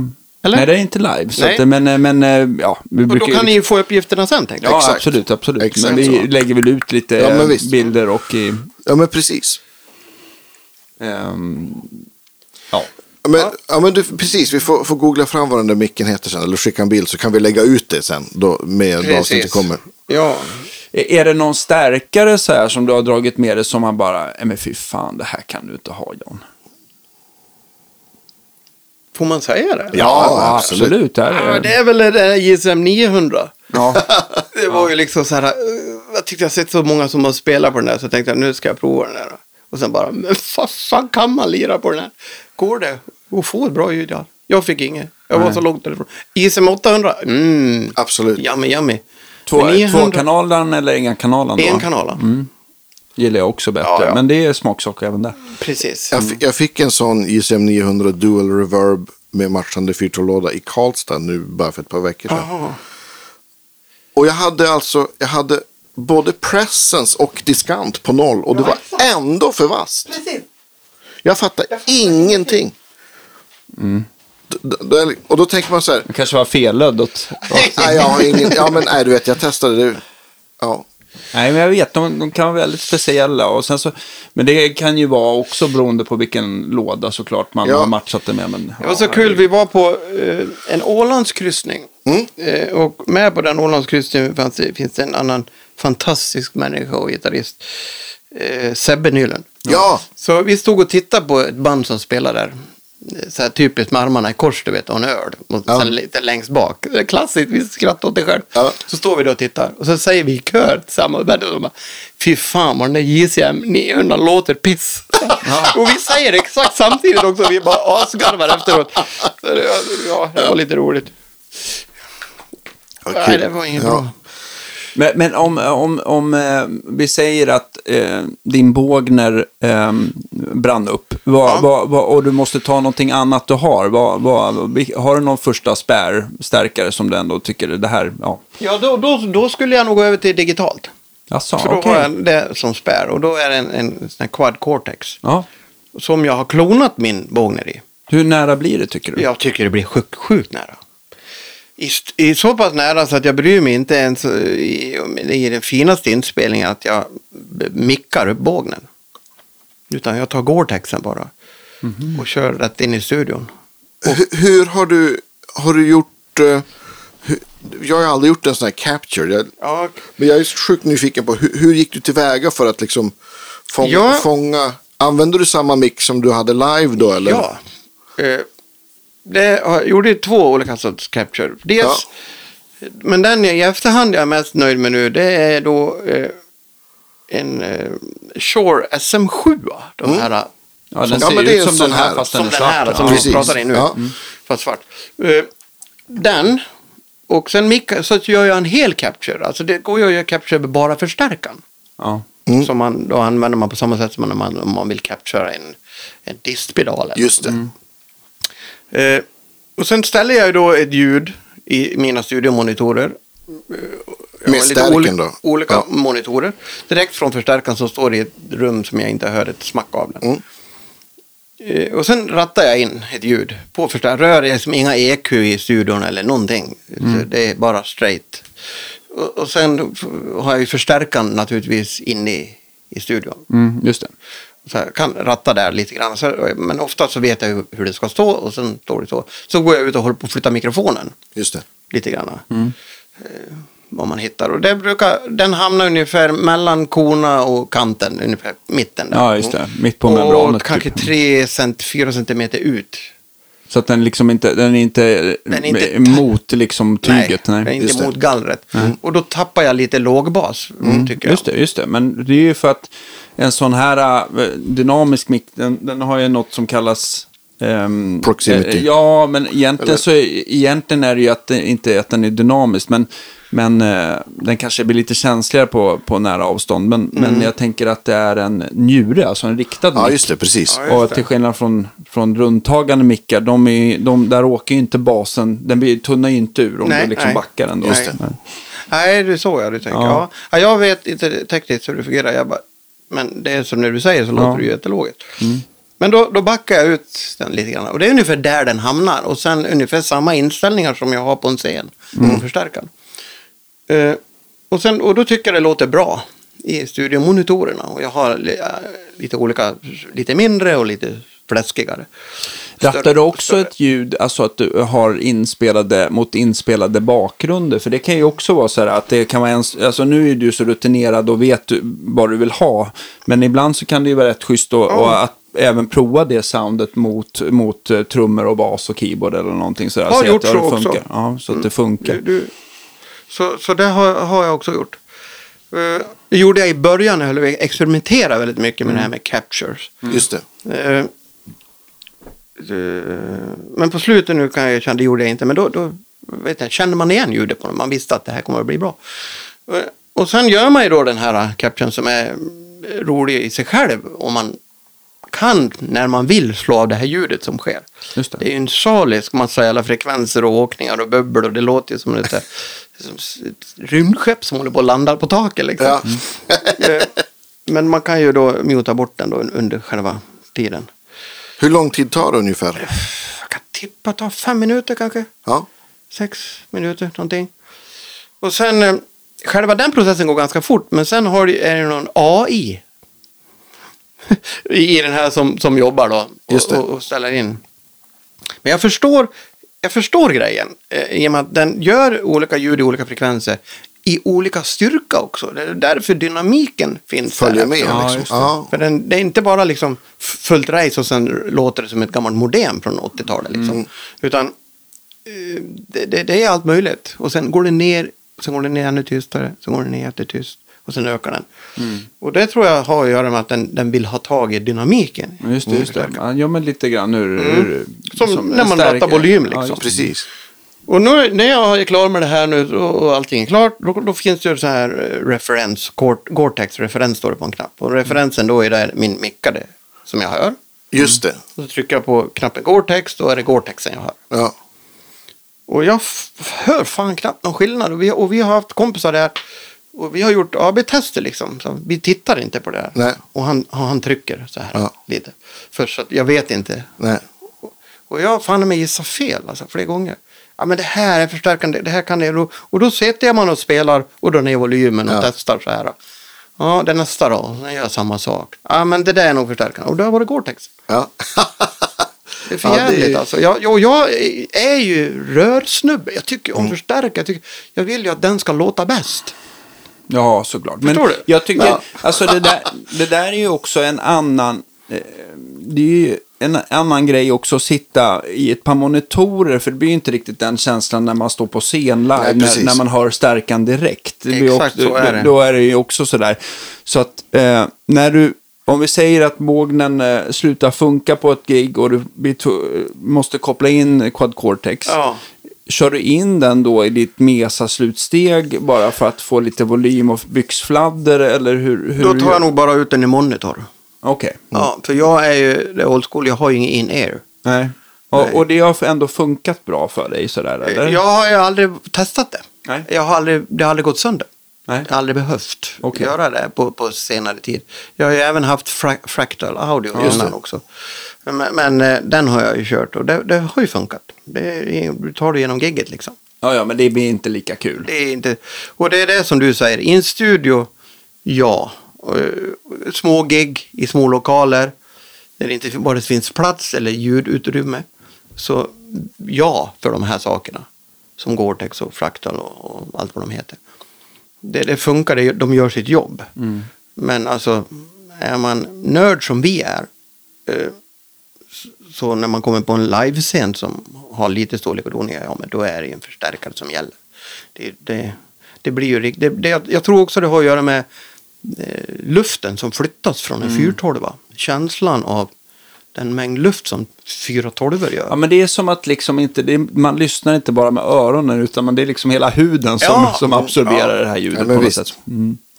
Ja, man, man, man har, och jag har fått vara med om det någon gång när jag känner faktiskt på skinnet hur mina byxor fladdrar. för för fyrstolvar står bakom. Och då får man ju bara sånt där gött leende på ansiktet. Ja, liksom. såklart. Men kul ändå, ja, det, det är ändå roligt att, att eh, Quad Cortexen har funkat så bra för dig. Ja, sådär. men visst, att det har Det kommit måste så jag långt. säga, Ja. jag, jag är imponerad. Ja. Eh, Hur, för du, du hade också använt Fractal. Ja. Eh, Gör den det nästan lika bra då? Eller vad är det du saknar i den? Eller? Det finns så fruktansvärt mycket potentiometrar. Alltså du kan ju gå in och På komponentnivå. Komponentnivå liksom. Och det där kan man ju. Jag är inte så nörd så jag kan gå in där. det, det blir för mycket Det blir med för Fractal. mycket. Ja. Så det blir ofta att man, man, man men att få till bra ljud är en sån, inga problem. Det, det får man. Så man kan gigga liksom och, Mm. och, och också vara nöjd med det. Absolut. Är det någonting i Fractal, förutom om man liksom är så här, verkligen på molekylnivå, finns det någonting du saknar i Quad Cortex som eh, Fractal gjorde? Alltså jag tänker så här, reverb delay, eller? Nej, personligen inte. Nej. Nej, jag, jag tycker det, det går snabbare att få till ett bra ljud i Gore-Texen. Och den, och den har också, den har ju lite en annan, de har ju också, eh, ska säga, de har ju lite annat typsnitt hur man arbetar med den Mm. också, tänker jag. För eh, Quad Cortex har ju en ganska stor display, Ja, alltså touchscreen. touchscreen, Ja, det har väl inte Fractal? Nej, sett, precis. Nej. Då får man Vilken- använda vilken- datorn vilken- då. Köra software. Ja, visst. Ja. Vi- Vilken, vilken eh, XFX har du? Eh, Det är ju den senaste trean då. Just det. eh, Med utbyggt minne och Just det. sådär. Så det är en rack. Det är en rack. Ja. Ja, Ja, Men, men deras eh, editorer är ju bra liksom. Jag. absolut. Det är, men ibland så är det så här att man vill prova något nytt och nu Mm. gjorde jag det och det har varit positivt. Så att nu... Jo, men också så för att jag, nu vet inte jag vad Fractal 3 kostar, men den är väl ändå dyrare än Quad Cortex? Ja, det är den. Ja, det är den. Ja, så att eh, om, om folk lyssnar på det här och känner så här, bara, men jag gillar verkligen det här molekyl, då kanske man ändå vill Prova. köpa en, en Fractal. Absolut. Men jag det- tycker liksom att om man, det här känns ju ändå som att kanske några som har stått i valet och kvalet, vad ska jag köpa Mm. för någonting? Så kanske Quad Cortex tal, tilltalar mer. Alltså efter det, det, här var, det är min, alla fall. eh, våran bekant och eh, min gitarrnördarkompis på hemmaplan, Thomas Larsson från Borlänge. är ju en känd Denna musiker. gigant. Denna Ja. gigant. Ja, det stämmer verkligen. Vi, han, det var nog han som fick över mig på Gore-Tex. Han sa, men du måste prova sånt. Så han kom hem med den till mig. Så hade han gjort några ena Mm. Det är ändå stort att han Ja, kommer visst. med den. Ja, Ja, men han kom hem till mig eh, och hade gjort egna captures och så satt vi och lirade på det där och så kände jag bara fan, det här låter ju svinbra. Och just det här med att man gör hela captures, alltså du tar med dig eh, Hela riggen. högtalarriggen, hela riggen. Eh, inte bara ta en förstärkare, för den är uppbyggd mycket så att när man börjar med, med, med factory presets där, Mm. så är de oftast byggda att du, de har klonat en förstärkare. Så får man välja en högtalare, Just det. sim- en högtalarelement. Ja. Och så får man flytta mikrofoner precis som i Fractal kan nu också. Mm. Just det. Eh, och sådär. Och det, då börjar man ju, då blir det många saker att hålla reda på. Mm. Om man lyfts, lyssnar och ja men det här är bra så får man hålla på och greja. Och både han och jag tycker så att varför inte göra det rätt på en gång? Just det. Alltså, Ja, här precis. har jag mitt det här vill jag ha. Capture det och kör. Och då, då kan jag ändå efter det du har gjort det kan du in och ändra lite EQ och, och lägga någon EQ före eller efter om du Just vill det. ändra om du byter gitarr till exempel. Och sådär. Ha, fin- har ni liksom, jag menar Thomas han har ju liksom modifierat, liksom byggt egna förstärkare och, och, och eh, moddat eh, hundratals Marshalls och sånt där. Har ni, eh, jag kan ju ändå tycka så här när man pratar med, eller jag och Andreas pratar sound eller någonting, man kan ju, eh, man kan ju ändå ha lite olika smak och sånt där. Känner du att du har liksom, att ni har lite samma, eh, har ni samma ljudideal du och Thomas eller har ni, eller har ni helt olika vad ni är ute Nej, efter? vi, vi, vi är ganska överens där. Jag har ju lirat på hans rigg, om vi har spelat på samma scen till Ja, exempel. Mm, mm. Då har inte jag tagit med mig mina grejer. Då har jag bara frågat, kan inte jag lira, vi lirar efter det, kan inte jag få lira på dina Mm. grejer? Och världens snällaste människa som han är, säger han ju, ja självklart. Mm. och så får man en genomgång bara utav pedalbordet, så här funkar det. Ja, jättebra, tack så mycket. Och jag har varit supernöjd. Mm. Det har varit kanon. Och jag tror faktiskt att han kanske lirat på någon rigg av mig också. Jag är lite osäker, men Mm. Bågnen får godkänt i alla fall. Bågnen får godkänt. Ja, mm. Han gillar den. Mm. Eh, så, så på det viset är det ju... Har vi, ja, men vi har nog lika där, Mm. tror jag. Jag tänker, mick, Han kanske är lite vassare än mig. Han kanske vill ha lite mer vassare ljud. Lite Ja, mer spridd där. Li- Lite Mm. mer... Han är nog lite mer metal eller hårdrocksgitarrist Ja, jo, än vad jag är, tror jag. ja. Så det är väl nog kanske kommer därifrån, men i stort sett är det lika. Vi har samma referenser, samma tycke. Mm. micken, kopplar man den då, alltså som då jag tänker på det här, då man gör captures, kopplar man micken då direkt in i Quad Cortexen? Ja. Eller, Ja. Jag tänker att då borde man ju också kunna gå alltså, via en EQ eller du vet, Ja, något det- sånt där också om man vill. Liksom. En- en- eller, eller till och med två mickar som man summerar till en Ja, signal som man gör capture på. Jag har sett några videos där folk har haft ända upp till tre mickar. Okej. Där de blandar på ett, på ett kabinett. Ja. Och sen kör de den i en mixer och sen ställer de balansen mellan mickarna där. Just och det. sen en sladd in i cortexen. Och För det finns en ingång i... Det finns en ingång, du kan, det, du ja, kan inte mm. captura en stereo. Så att Nej, okej. Mm. Det kanske kommer på Quad Cortex 2. Ja, men man kan ju också använda den capturen då. Mm. Och lägga på två olika rader. Precis. Då blir ju, då har du ju liksom tagit din klonande förstärkare och gjort en stereorigg av den. Ja, visst. Och sen Såklart. lägga då ja, delay eller eh, olika så man får liksom lite maffigare. Om man vill. Ja.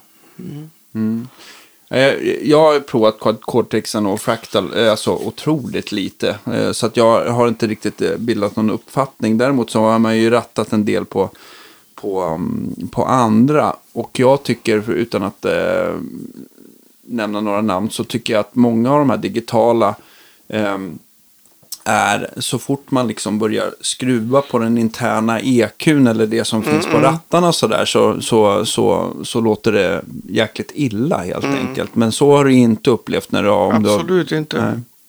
Men jag, jag tycker de har... Jag tycker de har fått till det bra också med, med, med verkningsgraden. På, Mm. Om ni förstår vad jag menar. På, på, när man rattar på diskanten till exempel. ja, just det. Just det. Mm. En del kan det ju vara så att man rör liksom två millimeter så bara wow. Bara fnisslar det till. Ja, Mm. här finns det. Det, är en bra linje, kan man säga. Mm. Just det. Verkningslinje på dem. Och, och det, ja, det funkar väldigt bra. Och jag har ju gjort då, jag har ju tagit då så jag har fyra capture från min Bågner. Då har jag ju, då får man ju verkligen nörda in sig för då, det klara ljudet kan jag ju verkligen lägga ner allt jobb på. Ja, visst. I och med att det är en separat EQ på den också, på bågnen. Och så att jag får den, sen så gör jag en capture på den. Och sen går jag på crunchen, på den blå kanalen. Och då gör jag en med lite mindre dist som jag vill ha. Som är... Det börjar hända grejer. Och sen gör jag ytterligare en capture när jag har vridit på gainen lite mer på den, samma kanal. Där, den funktionen kommer du ju inte åt live. Nej, Såvida inte du går fram till förstärkaren Just det. och ändrar Ja. rent manuellt på Så, knappen. så du har gjort det så det blir en kanal till helt Ja, precis. Ja, ja, exakt. Tog den blå kanalen och gjorde två Ja, kanaler den. ja. Och sen eh, eh, den röda kanalen då som är. Men den delar ju EQ med den blå kanalen på Okej. en Bågner. Så då har jag ju också chansen att finslipa den. Ja, precis. För man kanske vill ändå... Jag tänker att om man har, det, om man har en kanal som har ännu mer gain så kanske det också att man vill parera med att ta... Ta ner basen i mitt ja, fall. Då. Ja, diskanten också kanske. Ja. Mm, att det blir mer övertoner exakt, tänkte jag. Exakt. Intressant. Hur, hur är det så här när du är ute och spelar? Är det, klarar du på två elgitarrer eller behöver du mer för att det är olika stämningar eller?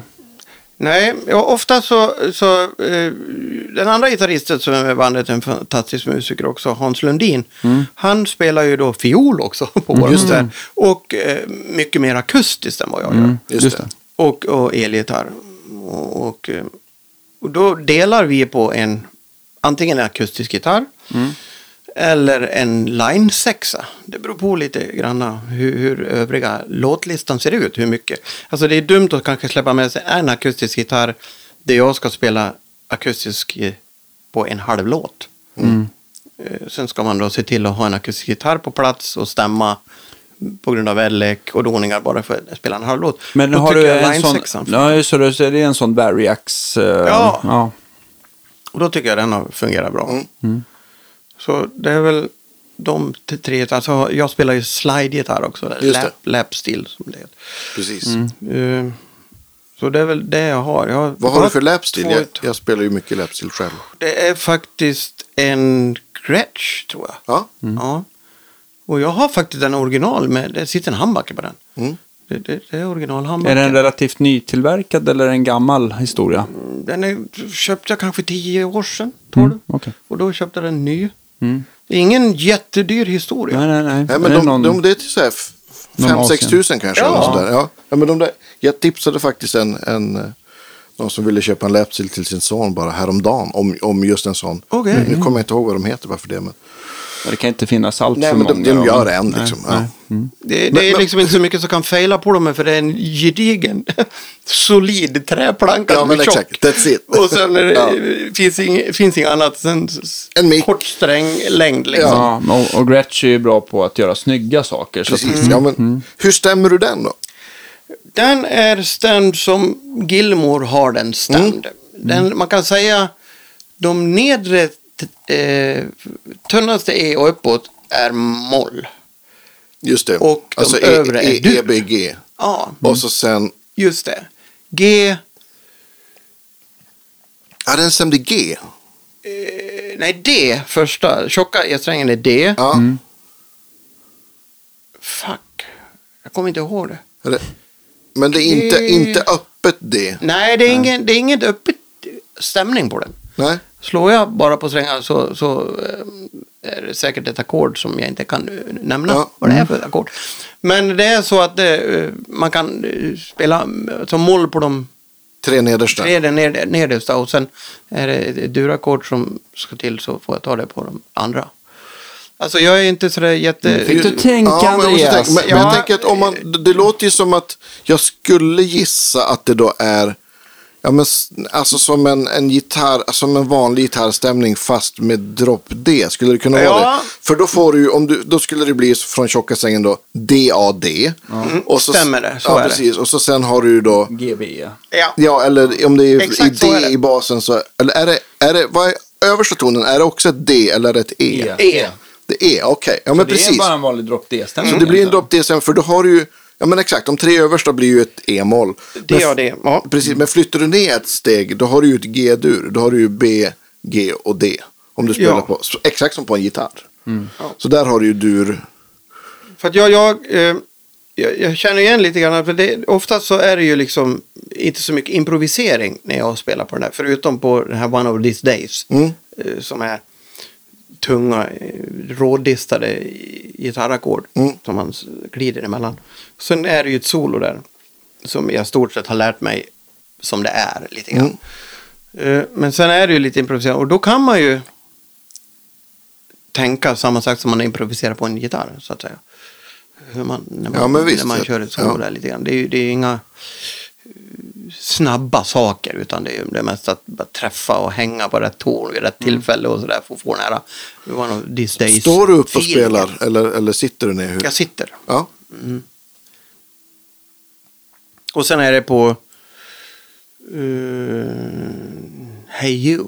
Den Mm. låten också är det ju. Men då är det, har jag ett klart ljud. Just det. Med massa delay och chorus så får det så brett som möjligt. Mm. Ja, då är det med stilgitarren. Och då ligger det ju Liksom. i bakgrunden som en synt nästan och Mm. gör den här klassiska mattan. Vilket, vilket chorus gillar du att ha i loopen där? För att jag, jag, Ja, det jag, sa vi jag, jag uppfattade timelinen, den var ju liksom delay och Big Sky var för reverben va? Ja, jag har nu ett, ett, ett boss. Eh, Den här eh, C, eh, vad heter den? Det finns flera effekter i den. Det är en liten multieffekt den också, en blå en. Ja, men är det deras alltså, modulationsburk? Just det, Boss modulationsburk.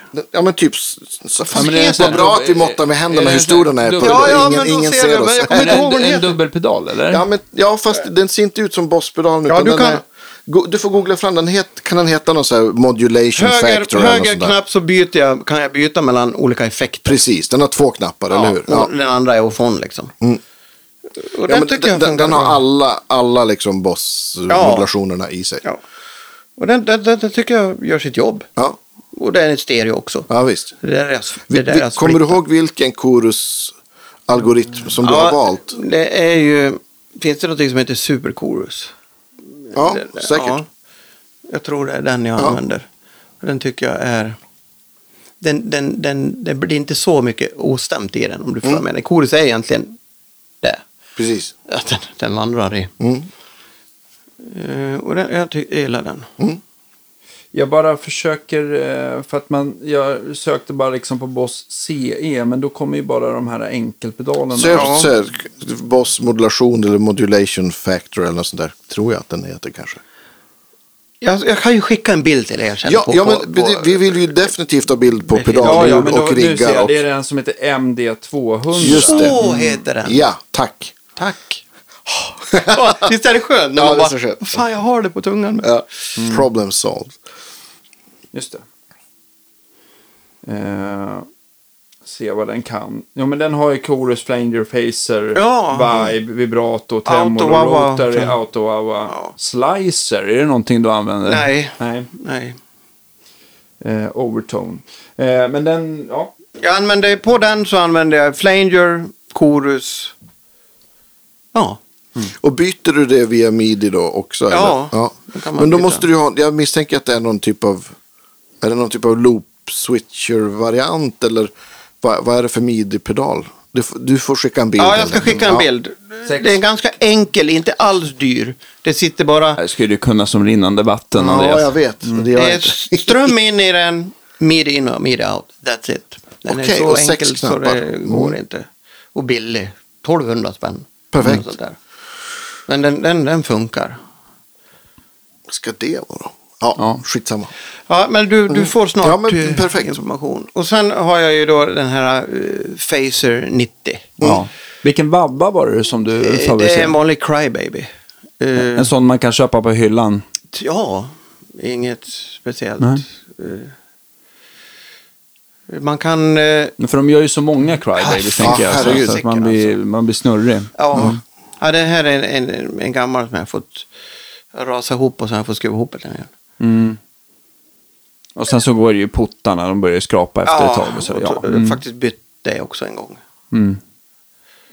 Ja, så blir det ju ofta om man ska... Ja, Man stampar ju trots allt på dem. Nej, men en Babber är ju väldigt, eh, nu var det så många år sedan jag körde med Babba, men det, är ju väldigt, eh, det är ju väldigt också att det ska funka med gitarr och rigg tycker Ja. jag. Så en, en bright Babba eller då Babba eller Mm. vilket svep man vill ha sådär. Så. det är ganska... Och det där använder jag, det finns inga, inga regler när jag använder den. Nej. Utan det är mitt tänk när det gäller gitarrsolon över Pink Floyds musik, om vi håller oss till den musiken, så är det lite humör och känsla. Eh, Jag brukar lägga upp det på så sätt att man inleder ett, ett, ett klassiskt solo. Det finns ju många klassiska solon eh, på Pink Floyds eh, låtlista. Så brukar jag inleda det så att, som det är. Just det. Alltså copy-paste. Mm. Och sen är ju fördelen som gitarrist att det kan vara rätt så långa gitarrsolon också. Ja. och det är kul. Ja. Och sen brukar man frångå det där lite grann och lägga sin personliga prägel Ja, som, visst. som jag vill spela i solo. Ja. Och sen är det svårt att spela copy and paste för att alltså, Gilmore är ju en extrem gitarrlirare. Liksom. Han har en sån jävla feeling för toner och, och grejer. Så att och ska man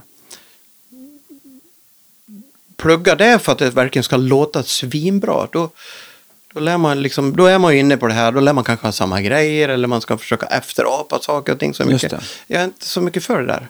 Utan jag, jag, jag vill ju ha mitt ljud Ja, men jag tror, som jag, jag tror, trivs och är jag lycklig tror med. att det liksom. blir bättre musik då om man liksom får lägga in liksom sin egen feeling i det istället för att bara liksom spela not för not. Ja, men jag, jag har alltid gillat det eh, tänket också. Jag, jag tycker tyvärr, eh, det finns många eh, gitarrister som de bara djupdyker i vad deras, deras hjältar har använt och sånt där. Då fastnar lite i Ja, det. sådär. Ja, men precis. Det blir inget bra. Nej. Nej, det blir Nej, och jag bra. tänker också att Gilmore gör säkert exakt så. Att han spelar liksom kanske början och så sen Ja. improviserar säkert han också. Det har han ju själv sagt också. Ja. Det, och en som är expert på det, som är också min nog största husgud, det är ju Jeff Beck. Mm. Han har väl aldrig spelat samma solo någon gång i hela sitt liv, Nej. tror jag. Du kan ju lyssna på samma låt på YouTube. Så tänker man, åh det var så bra gitarr så nu vill jag lyssna på det. Så tänker man, vad fan håller han på med här? Det Ja, är visst. svinbra men det finns ju ingenting Nej. som påminner. Och han sa ju det också, om inte jag bryter mot reglerna åtminstone fem gånger varje konsert så gör jag inte mitt jobb riktigt. Det är hans bra. liksom, filosofi. Ja, ja, visst. Och det gillar jag. Om man tänker så här, vil- vilken Pink Floyd, säg några låtar som är sådana där du får sträcka ut Ja, den som är mest är väl... Ja, det finns många. Det jag får sträcka ut... Comfortable namn naturligtvis. Ja, det, är ju liksom, det brukar det bli så här sju minuters gitarrsolo. Ja, vad härligt. Ja, och det är kul. Det är kul på ett sätt när du är i, i zonen. Ja. Mm, när det flyter på och du känner att det du tänker kommer ut i fingrarna. Mm. Sen är man inte riktigt där ibland. Mm. Och då får man liksom luta sig tillbaka till någon erfarenhet istället. Så man vet hur, vad som funkar. Och då, då kanske gitarrsolona blir lite kortare. Ja. Sen finns det sådana här saker som låten Docs till exempel. Som innehåller ett väldigt lugnt och fint stämsolo. Och Den innehåller ett solo som är väldigt melodiöst. Och ett solo som är freaked out. Som, och så gjorde även de. Just det. Eh, ja, det finns ju någon version där de själv spelar där man inte tycker att det är ett gitarrsolo utan det är bara ett oljud när det är dags. Så att de har ju själv anammat det så att säga. Och där tycker jag det är lite roligt också att spela. För där, där kan man gå loose liksom. Ja, men visst. Har, om, om, vi, om vi pratar, har du hu- hunnit med några andra musikaliska projekt än liksom P. Floyd? Jag förstår att det tar väldigt mycket tid bitvis såklart. Ja, man har väl varit i den här coversvängen naturligtvis. Mm. Där man kör eh, afterski. det, det är väl kanske inte så mycket gitarrnörderi över sånt sak. Det gäller det mest att bara hålla tempo folk ska hoppa och Ja. dricka öl. det är väl kul på sitt sätt. Ja, men visst. Musikaliskt, ja, kan jag säga. Eh, Men sen har jag ju mitt egna projekt också, Black Unit, som jag och Therese Hechler, som du Ja, just det. turnerar med Ja, visst. eh, är med. Eh, Vi skriver ju egen musik och då har man ju fått tagit upp de här. eh, Som musiker så får man ju alltid låtidéer eller riff eller Ja, ackordsföljd visst. eller något sånt där. Så spelar man in det för man vill inte glömma bort det och sen läggs det i den svarta lådan. Ja, Lite längre bort där så man, nej men det här kan jag vara bra ha. Kanske. Ja. Och, och sen går åren. Sen upptäcker man att jag har inte gjort någonting med det här. nej. Det är för jävligt. Och sen plockar man upp det här igen och det är det vi har gjort. Både, både Ja, hon och kul. jag.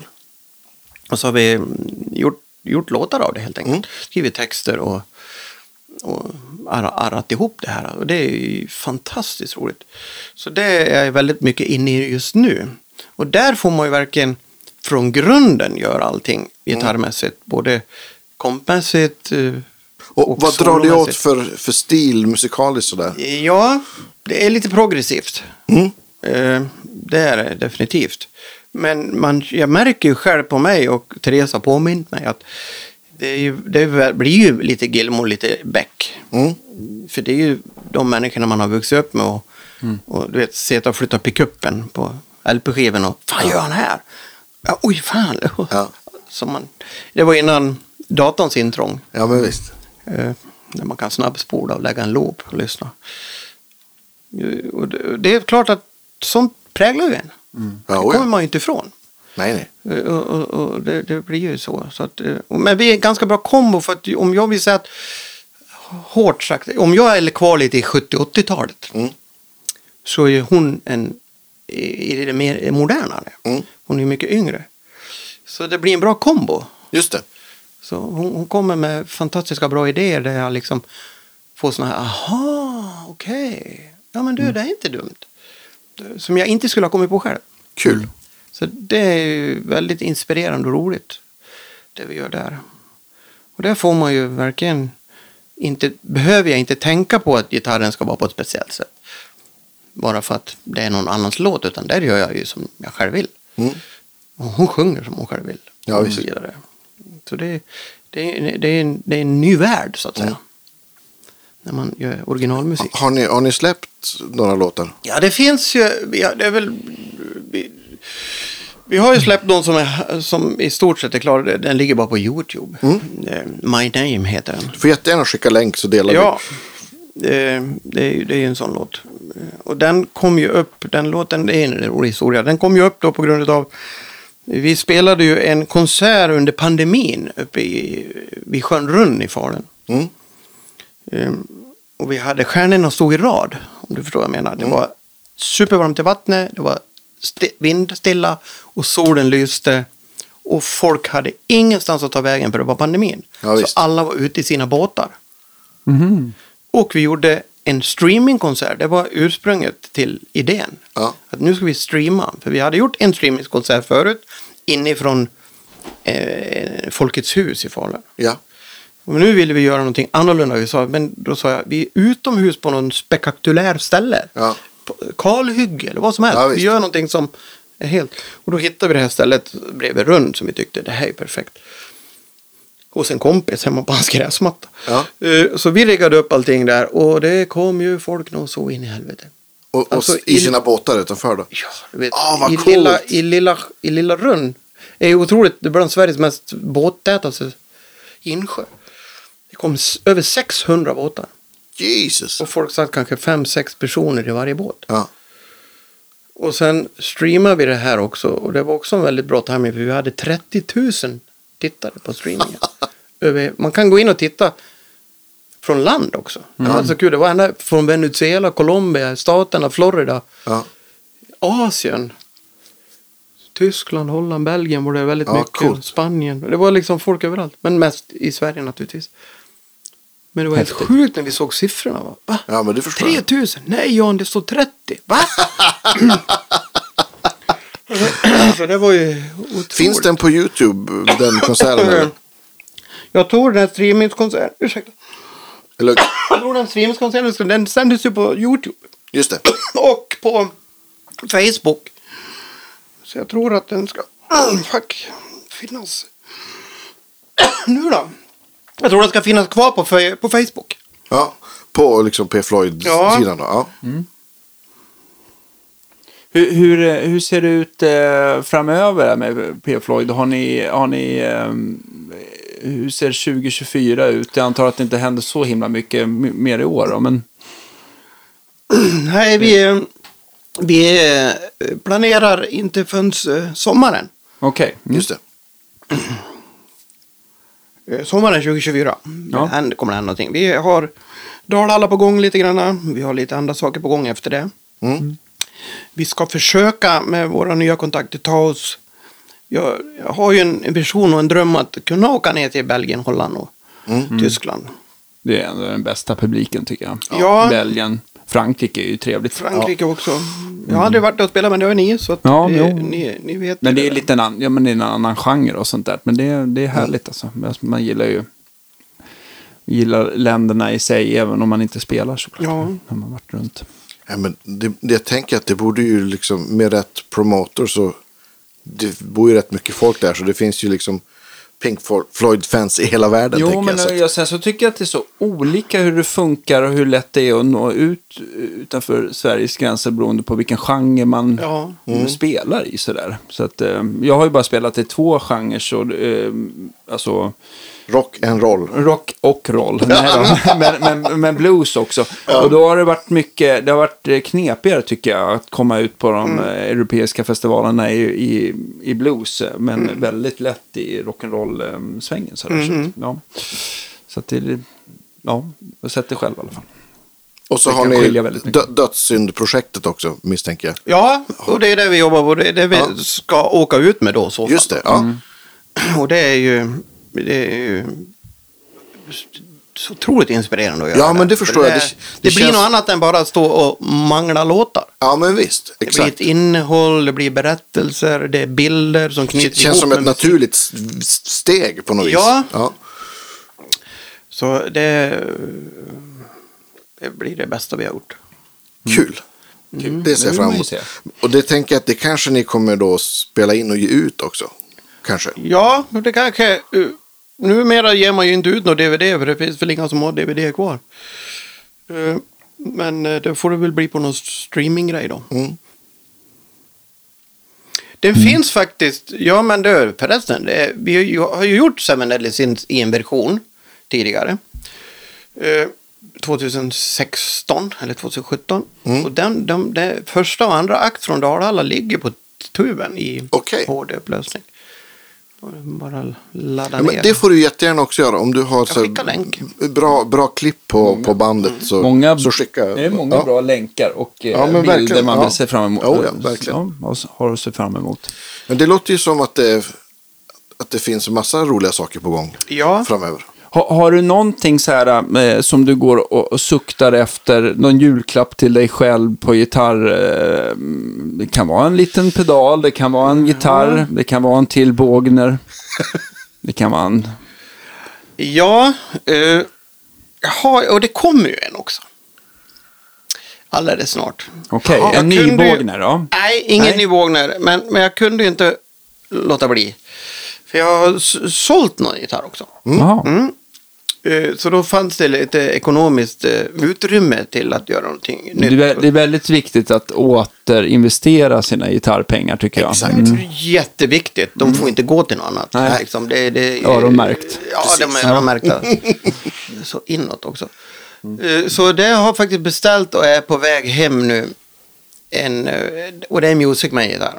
Och det är den här 30-årsjubileumet från Lok-gitarrerna.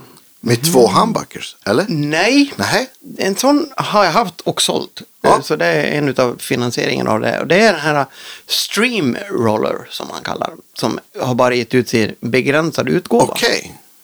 En, en träfärgad med humbucker singel singel. Ja. Och det ska ju vara då Di Marzios, eller, eller Music Mans egna mikrofoner på den. Okej. Som de kallar för H, HT. Eh, De, de ska vara... Alla recensioner säger att de är helt fantastiska. Ja. Det återstår att se. Men det, det är en, en em, high performance gitarr. Jag menar, de har inte hållit inne på någon kvalitet överhuvudtaget. Bara tagit det bästa av allt och satt ihop till en Men den ser ut som en, väldigt en dyr loop. gitarr. Men, men Men är det en Floyd eller är det hans det är Floyd Rose på den också. Ja, så de har ju det. gått tillbaka till Just det, det, också att ja. göra. Och jag har en Floyd Rose-gitarr innan. Och eh, det kan vara kul ibland att lira med det också. Dels blir soundet lite annorlunda nu i och med att du låser absolut. fast strängarna. Eh, ja, så det är väl den som är julklappen då. Kul. Vet du när du får den? Eh, den ska ha skickats ifrån Kalifornien nu. Så Spännande. vem vet, nästa vecka kanske? Eller? Ja, Flygfrakt, expressleverans. Eh. Ja, ja, ja. ja. Fan, jag åker ner till Göteborg och hämtar den. Och så. ja. Nej, det, det, den känner jag ska Ja, vara just lite det, för att Music Man är ju lite annorlunda nu. För nu är det väl bara en butik i Sverige som... som eh, Musik utan gränser. Ja, Mugg är det som kör det. Okej. Förut så var det ju distribuera, var distributionen via EM Nordic. Just det. Och det finns såklart en hel del kvar på Deluxe. Precis. Har jag sett. Men, Mm. men eh, nu eh, om man ska köpa nytt så tror jag i alla fall att det är Musik utan Men så, gränser. så är det. För jag pratade med Mattias där nere. Ja, och, just det. och han har eh, fantastiskt eh, serviceinriktad person och hjälpt mig att fixa det här nu. Mm, Då. Få, de, har ju, de får ju bara ta hem ett begränsat antal också. I och med att den är, Mm. hela utgåvan är ju bara tilldelad vissa till Sverige, vissa till Såklart. Tyskland, vissa Ja, till ju England och så vidare. Det blir en jag- liten tårtbit i Sverige i alla fall. Så det var han som påminde mig om det här. Men ska inte du som är ja visst. eh, Music Man freak och så här, ska inte du ha en sån här? Ja, ja, ja. Så. Ja, okej då. det var inte så kul. svårt att betala kan Nej. jag säga. Men... Nej, men det kan ju vara det här, det här jobbiga beslutet att någonting måste gå då Ja, kanske. tyvärr är det så. Ja. Och då är ju det var ju fantastiskt fina gitarrer också. Men man märker ju efter ett tag vilka gitarrer man spelar på, vilka man använder när man spelar in och vilka gitarrer man trivs med live. Sen blir det några som, som blir hängande. Just det. Som kan vara kul att ha men blir hängande. Mm. Och då, det var de som fick, två av dem fick Alltså säga man, är, goodbye. man, man är ju så elak där mot sig själv. ibland. Eller elak ska jag inte säga. Men det är, ibland är det ju sådär att man gärna vill så gärna Mm. tycka om en gitarr. Precis. Men man använder den inte. Nej, nej, exakt så är det. Så har man känt. Och sen så kan det bara vara så här små grejer som gör det. Ett mickbyte och så Ja. bara blev det nummer ett igen. Så att det, är- det är verkligen... Ja. Ett levande intresse. Ja. Ja, kul. Men Ja. ett roligt intresse. Det är Ja, att bygga pedalbord, det är lika kul också. Ja, ja. Och jag älskar det här när man plockar upp allting och, säger man, mm, och sen testar man lite. Ja, men det ska nog vara så, ah, vänta, den ska nog sitta där till höger. ja visst. Ja, men, nej, den ska nog sitta längst ner för den använder jag ofta. Och så Ja. får man hålla på där och greja. Tänka till Ja, lite men grann. Det är så kul. Jo men absolut, ergonomin på vart pedalerna sitter, de, det man trampar mest på måste ju vara liksom Ja. tramp, vän, li- ligga bra till. Har, har du Mest. liksom byggt dina pedalbord själv eller har du tagit hjälp av Jag bygger själv. Jag, löder jag alla kontakter eller Ursäkta? löder du kontakter och sladdar själv eller hur? Ja, det gör jag ofta. Jag brukar använda det här systemet där, vad det nu heter, när man kapar kablarna själv och så skruvar man in dem i, och låser fast dem. Men inte George L va? Du- ja, är typ. Lava eller? Ja, lava. ja, precis. Och det För tycker det jag... Ibland har jag ju varnat för sådana att det kan vara lite tickande bomb att de gängar upp sig och sånt där. Men du har inte haft något problem med det i alla Man, fall? man, får vara, man får vara noga med att dra åt och, Just det. och sådär. Eh, Just nu i pedalbordet som sitter där, som jag har just nu, måste jag erkänna att det, det, det sitter även köpta, färdiga sådana här som är Vinklade, 2L. liksom. Ja. Eh, Men jag har inte haft något problem med det där. Jag är ganska noga också när jag gör det. Och hur man kapar dem. Och, och de här olika lagren ska ju på kabeln ja, just det. kapas. Från signalen så ska det vara lite plast och sen ska det jorden Ja, kapas och sen ska den vikas ner. Just det. Man kan också använda det tips här nu. Utifall man Mm. får dem att gänga upp sig, utifall det rör sig mycket, då, då kan ju de här hattarna som ska låsa allting låsa upp sig. Men jag har tagit, det finns ju gänglåsning, men det finns olika grader av gänglåsning. Okej. Eh, Så det finns ju de som hugger, alltså som Mm. du måste värma för att få bort. Sen finns det sådana som trögar till det bara lite grann. Som eh, när man tar i dem och drar åt dem och lägger en liten, liten, liten. Jag tar en tandpetare bara och droppar och lägger på gängorna. Just det. Och sen när jag drar åt den, då sitter de där sen. Jättebra Då gängar tips. de inte ur sig. Ja. Och de har hållit i, i år. Har det varit någon typ av snabblim eller vad kan det Ja, det, det, det är ju en tendens. Gänglåsning fungerar på lite annorlunda sätt. Då. Den, Mm, okej. den, den trögar till gängerna liksom Okej. lite bara. Just den här man använder. De, de finns i olika grader. Från att de... Var hittar man sånt någonstans? Ja, det hittar du på uh, så järnhandel och, ja, ja okej. och sådana här saker. Det är det de säljer såna, online. Mm. Mm, Mekbutiker. Mm. Ja. Just det. Det brukar ju vara Loctite. Märket använder jag i alla fall. Just det. För Loctite, gör ju, de är ju kända för Ja. att det- Precis. lim. Liksom. De är duktiga på snabblim. Sådär. Och då kan man fortfarande få loss dem. Mm. Men man får ju ta i som fan helt enkelt. Men, men då, då sitter de där. Mm. Och då brukar det inte vara något problem. Mm. Och de kablarna är oftast lite hårdare så det går ju att forma dem snyggt på ett pedalbord. De är inte gjorda för att hålla på med och bryta. eh, Så mycket med. De Har är du- mer fast installationskablar tycker jag. Eh, Har du kört kabel live eller brukar du köra trådlöst? Jag kör kabel. Ja. Ja, sex meter. Sex meter? Någon fa- inget vad som helst eller har Ja, du det är nördat ner dyra kablar om jag Ja. utgår ifrån det. Jag har Demartios kablar. Ja. Mm. Och de har gått... Oj, jag har en röd Demartio-kabel som jag fick en gång i tiden för många år sedan. Jag fick fyra stycken. Hans Lundin, den andra gitarristen, han tog två. Mm. Och jag tog två. Och det är mer än tio år sedan och de är, går perfekt än. Mm. Och det är den här strykjärnskabeln kan man säga. Just det. Om ni vet vad de Ja, men den är lite, flä, tyg. är så här, den känns lite tygaktig. Ja, lite tygaktig. Mm. Eh, eh, Helt otroligt bra. Med, Mm. med guld eh, platinerade eller vad det Ja, kallas det. för kablar. Kontakter, ja. Men, Alltså, det Ingen- som är för, fördelen med, eh, med guldade kontakter det är väl att de inte, de, det blir ingen oxid på Nej, dem så att man inte behöver det. göra rent eller att det, Precis. att det kan bli dålig kontakt så. aldrig haft problem med dem. Mm. Man, man tänker varje gång så här, "Ah, ska jag ta med mig den här på en turné nu? Den har ju varit med, den händer. Men då har man alltid en reserv med sig. Ja, ja, precis. jag har kört med den, nej, gått hela. Och då är det ändå liksom upppackning, nedpackning, Ja, upppackning. visst. det är då de slits liksom. Mm. Det här är linda ihop, linda upp. Men det är inte något problem. Så lägger jag gitarren då, eller lägger alltid kabeln upp under axelbandet. Just det. Mellan Ja, just det. gitarr Ja. och sen ner och upp så att den inte, Man- man, rycker man- inte kabeln ut ifall man skulle gå längre än sex meter då i det Just fallet. Nej, men alltså det är ju också en bra försäkring för att inte slita sönder jacket i gitarren Precis. också. Ja, exakt. eh, men sen så är det ju eh, just när man, just med kablar och sånt där. Jag tycker ju om att man eh, så bara lindar upp dem så att det blir som, eh, man inte håller på och knyter ihop Nej, dem nej, och sådär, nej, för det sliter ju också. Men, eh, men när man drar ur den ur sin gitarr, att man tar i kontakten Exakt, och inte i exakt. sladden. Liksom. Ja, det, det gör ju. Ja. Det är jätteviktigt. Och att man kollar över sin utrustning också innan. Man, man går över ett pedalbord och känner på alla de här kontakterna. Och, Mm. Och även de här låsmuttrarna i pedalerna. Som sitter Precis. utanför. Ja, också, ja. Ja, men exakt. Man- det är ju man sånt där går som... över sånt där. Särskilt om det fraktas mycket Ja. så rör sig ju sånt där. Och även gitarrjacket sitter ju också låst på samma sätt. Mm. Med en sån här. För det har man ju varit med flera gånger att andra, det, ja, det knastrar. Mm. Så går man dit och så, ja, då sitter ju muttern lös. Det är också tips med det här. Ja, precis. Känn på när, när, Ja, man bara råd. trycker in, när man trycker in, vad heter det, um, gitarrkabeln i sin gitarr, att det, liksom, att det, att det sitter tight. Liksom. Annars får man ju dra åt det där. Men, ehm, men, ehm, och sen så om man har, nu kommer jag inte ihåg exakt hur, på en strata är det ju svårt med vinklade kontakter eftersom den har sin egen, Ja, in, i, ja, den här koppen då.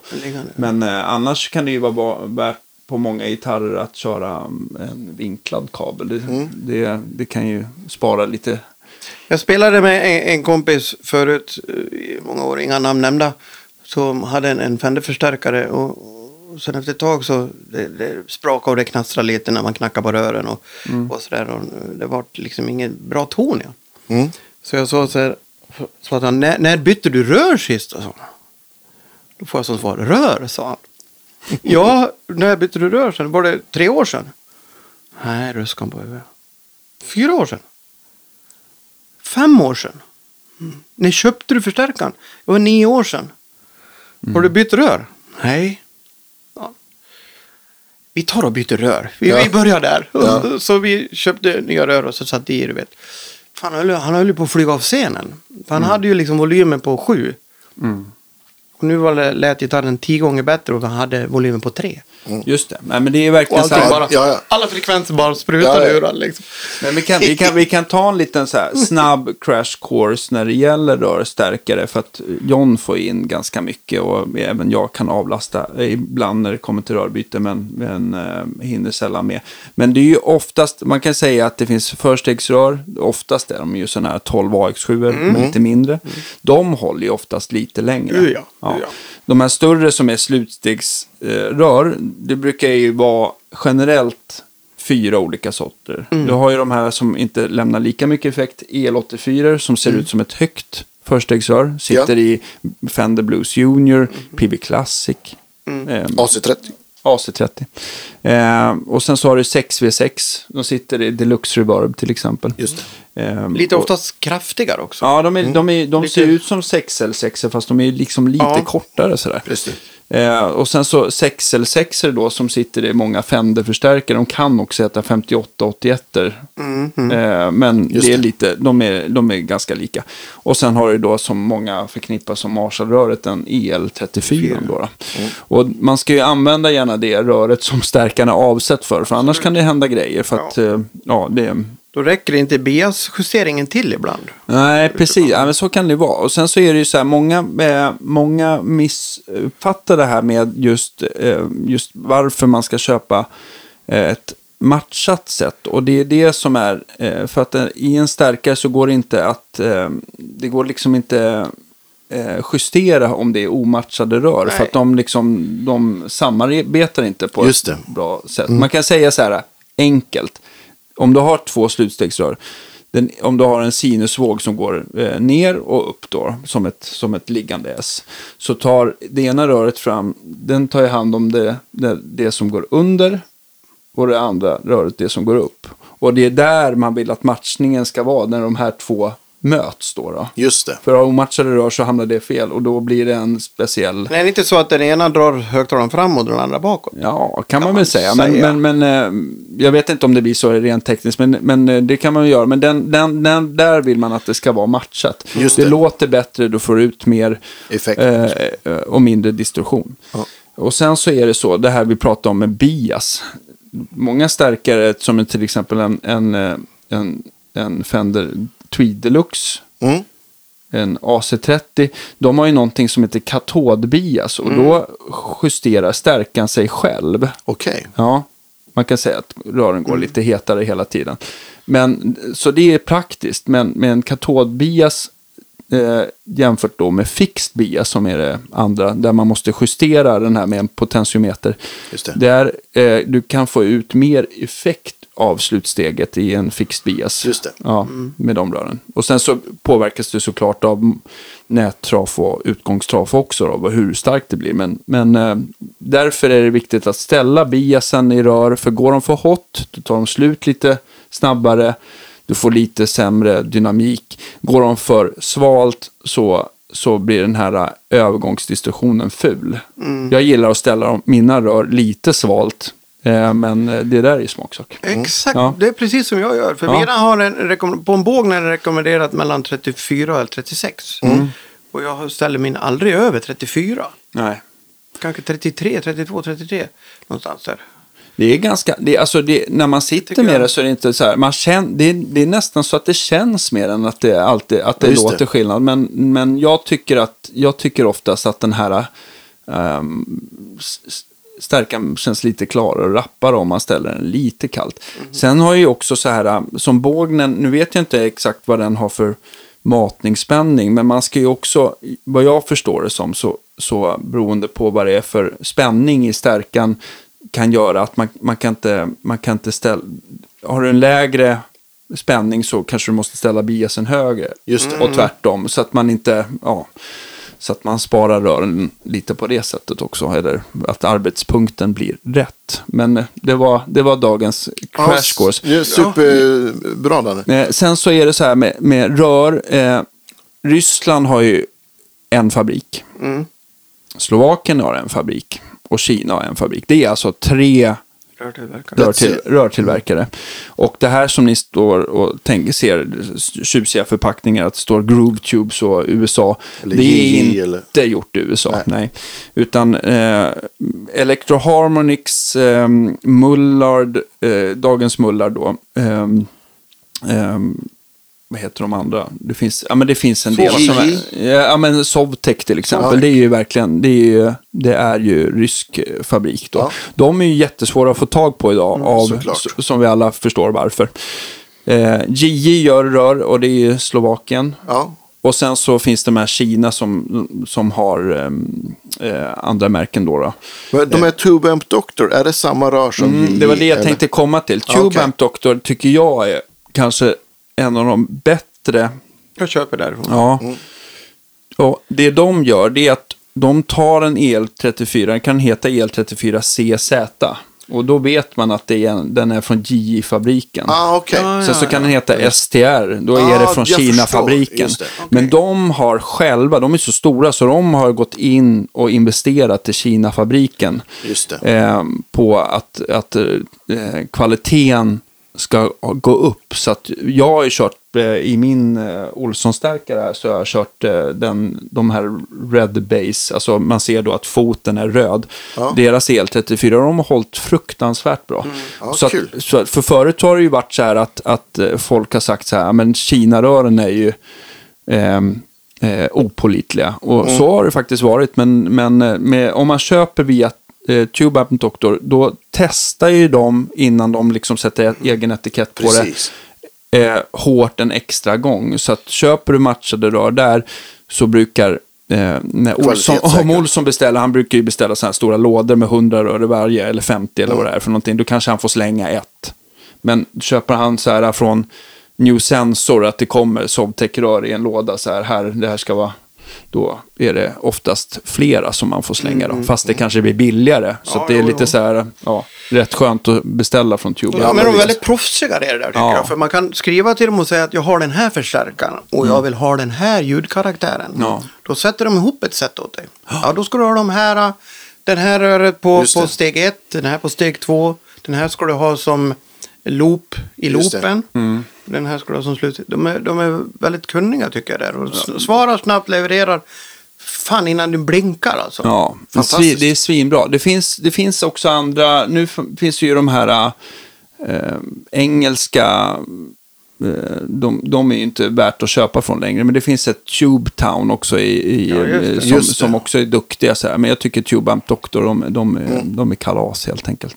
Instämmer. Eh, bara för att prata rör. Och förstegsrör, där är det ju mera att, att, att man kanske, om man kör high gain, att man vill ha de som har low noise, Mm, men även låg mikrofoni. för att de kan ju vara så här att de börjar pipa Ja, av sig ja, själva ja. när man gainar på, att det bara blir ett... ett, ett Fruktansvärt ljud. det är inte så kul. Och det är att, det, att röret... Ett sätt att ni kan liksom testa era rör om de börjar bli mikrofoniska, det är ju...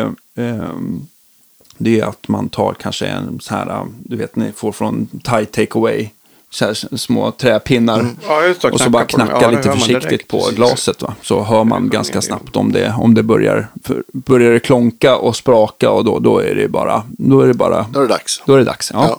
Ja, jag har varit med också att man Ja. får göra rent eh, Socklar. socklarna. Ja, just det. Ifrån Oxir. Ja. För att de har sett i och rören fungerar jättebra. Jag mäter dem, allting är bra. Ja. Men ibland så får jag något knaster. Ja. Som liksom ligger kvar länge. Och man, tror man att det är pedalbordet, man rycker sladdar. Nej, nej, nej. Liksom. Det Mm. finns där. Och då har man fått ta ur och sen gjort rent och sen stoppa i dem så knäpptyst. Och även där, så, eh, många tror att de ska använda 556 som Nej. de använder till motorsågskedja. Gör inte det, utan köp den som har kanske ren isopropanol. Precis. Ja, Just det. Den är, den är, det blir rent och fint. Nu är inte jag så här som om man jämför eh, med John har jag inte samma kunskap när det kommer till rör och vad som, alltså laga fel på socklar och sånt där. Eller som Thomas Larsson till exempel som du känner väldigt väl. Men man, när man sitter bredvid en sån där förstärkartekniker så snappar man ju upp ett och annat i alla fall. Ja, men såklart. Ja, Men det är kul, men det är kul med rör. Det är, Ja. det är, ibland, vissa stärkare kan du göra Alltså framförallt om de är gamla till när man byter på nytt som din vän hade Ja. gjort där. Då kan det ju verkligen bli natt och dag. Men om man testar nya rör mot varandra, alltså det blir lite skillnad, men det, är- det, det är inte så stor skillnad som att eh, växla mellan Strata och Les Paul. Det Nej, nej, inte. nej. Det, nej. är ju, I sådana fall om det slutar då ska de, ska man ju upp på en volym så att de distar. Då kanske man får lite olika karaktärer Ja, på. men det, det kan vara lite sådär, äh, just bara för att prata JJ då, de har ju två, eh, de har säkert flera EL34, men de har en som, där man hör att där blir det mindre bas. Och den andra har man att den Ja. har en mindre diskant. Just det. Så att det, ja, Ja. det är lite vad man har för tycke och smak. Också, så det kan göra också skillnad. ett kaninhål att hoppa Ja. ner i.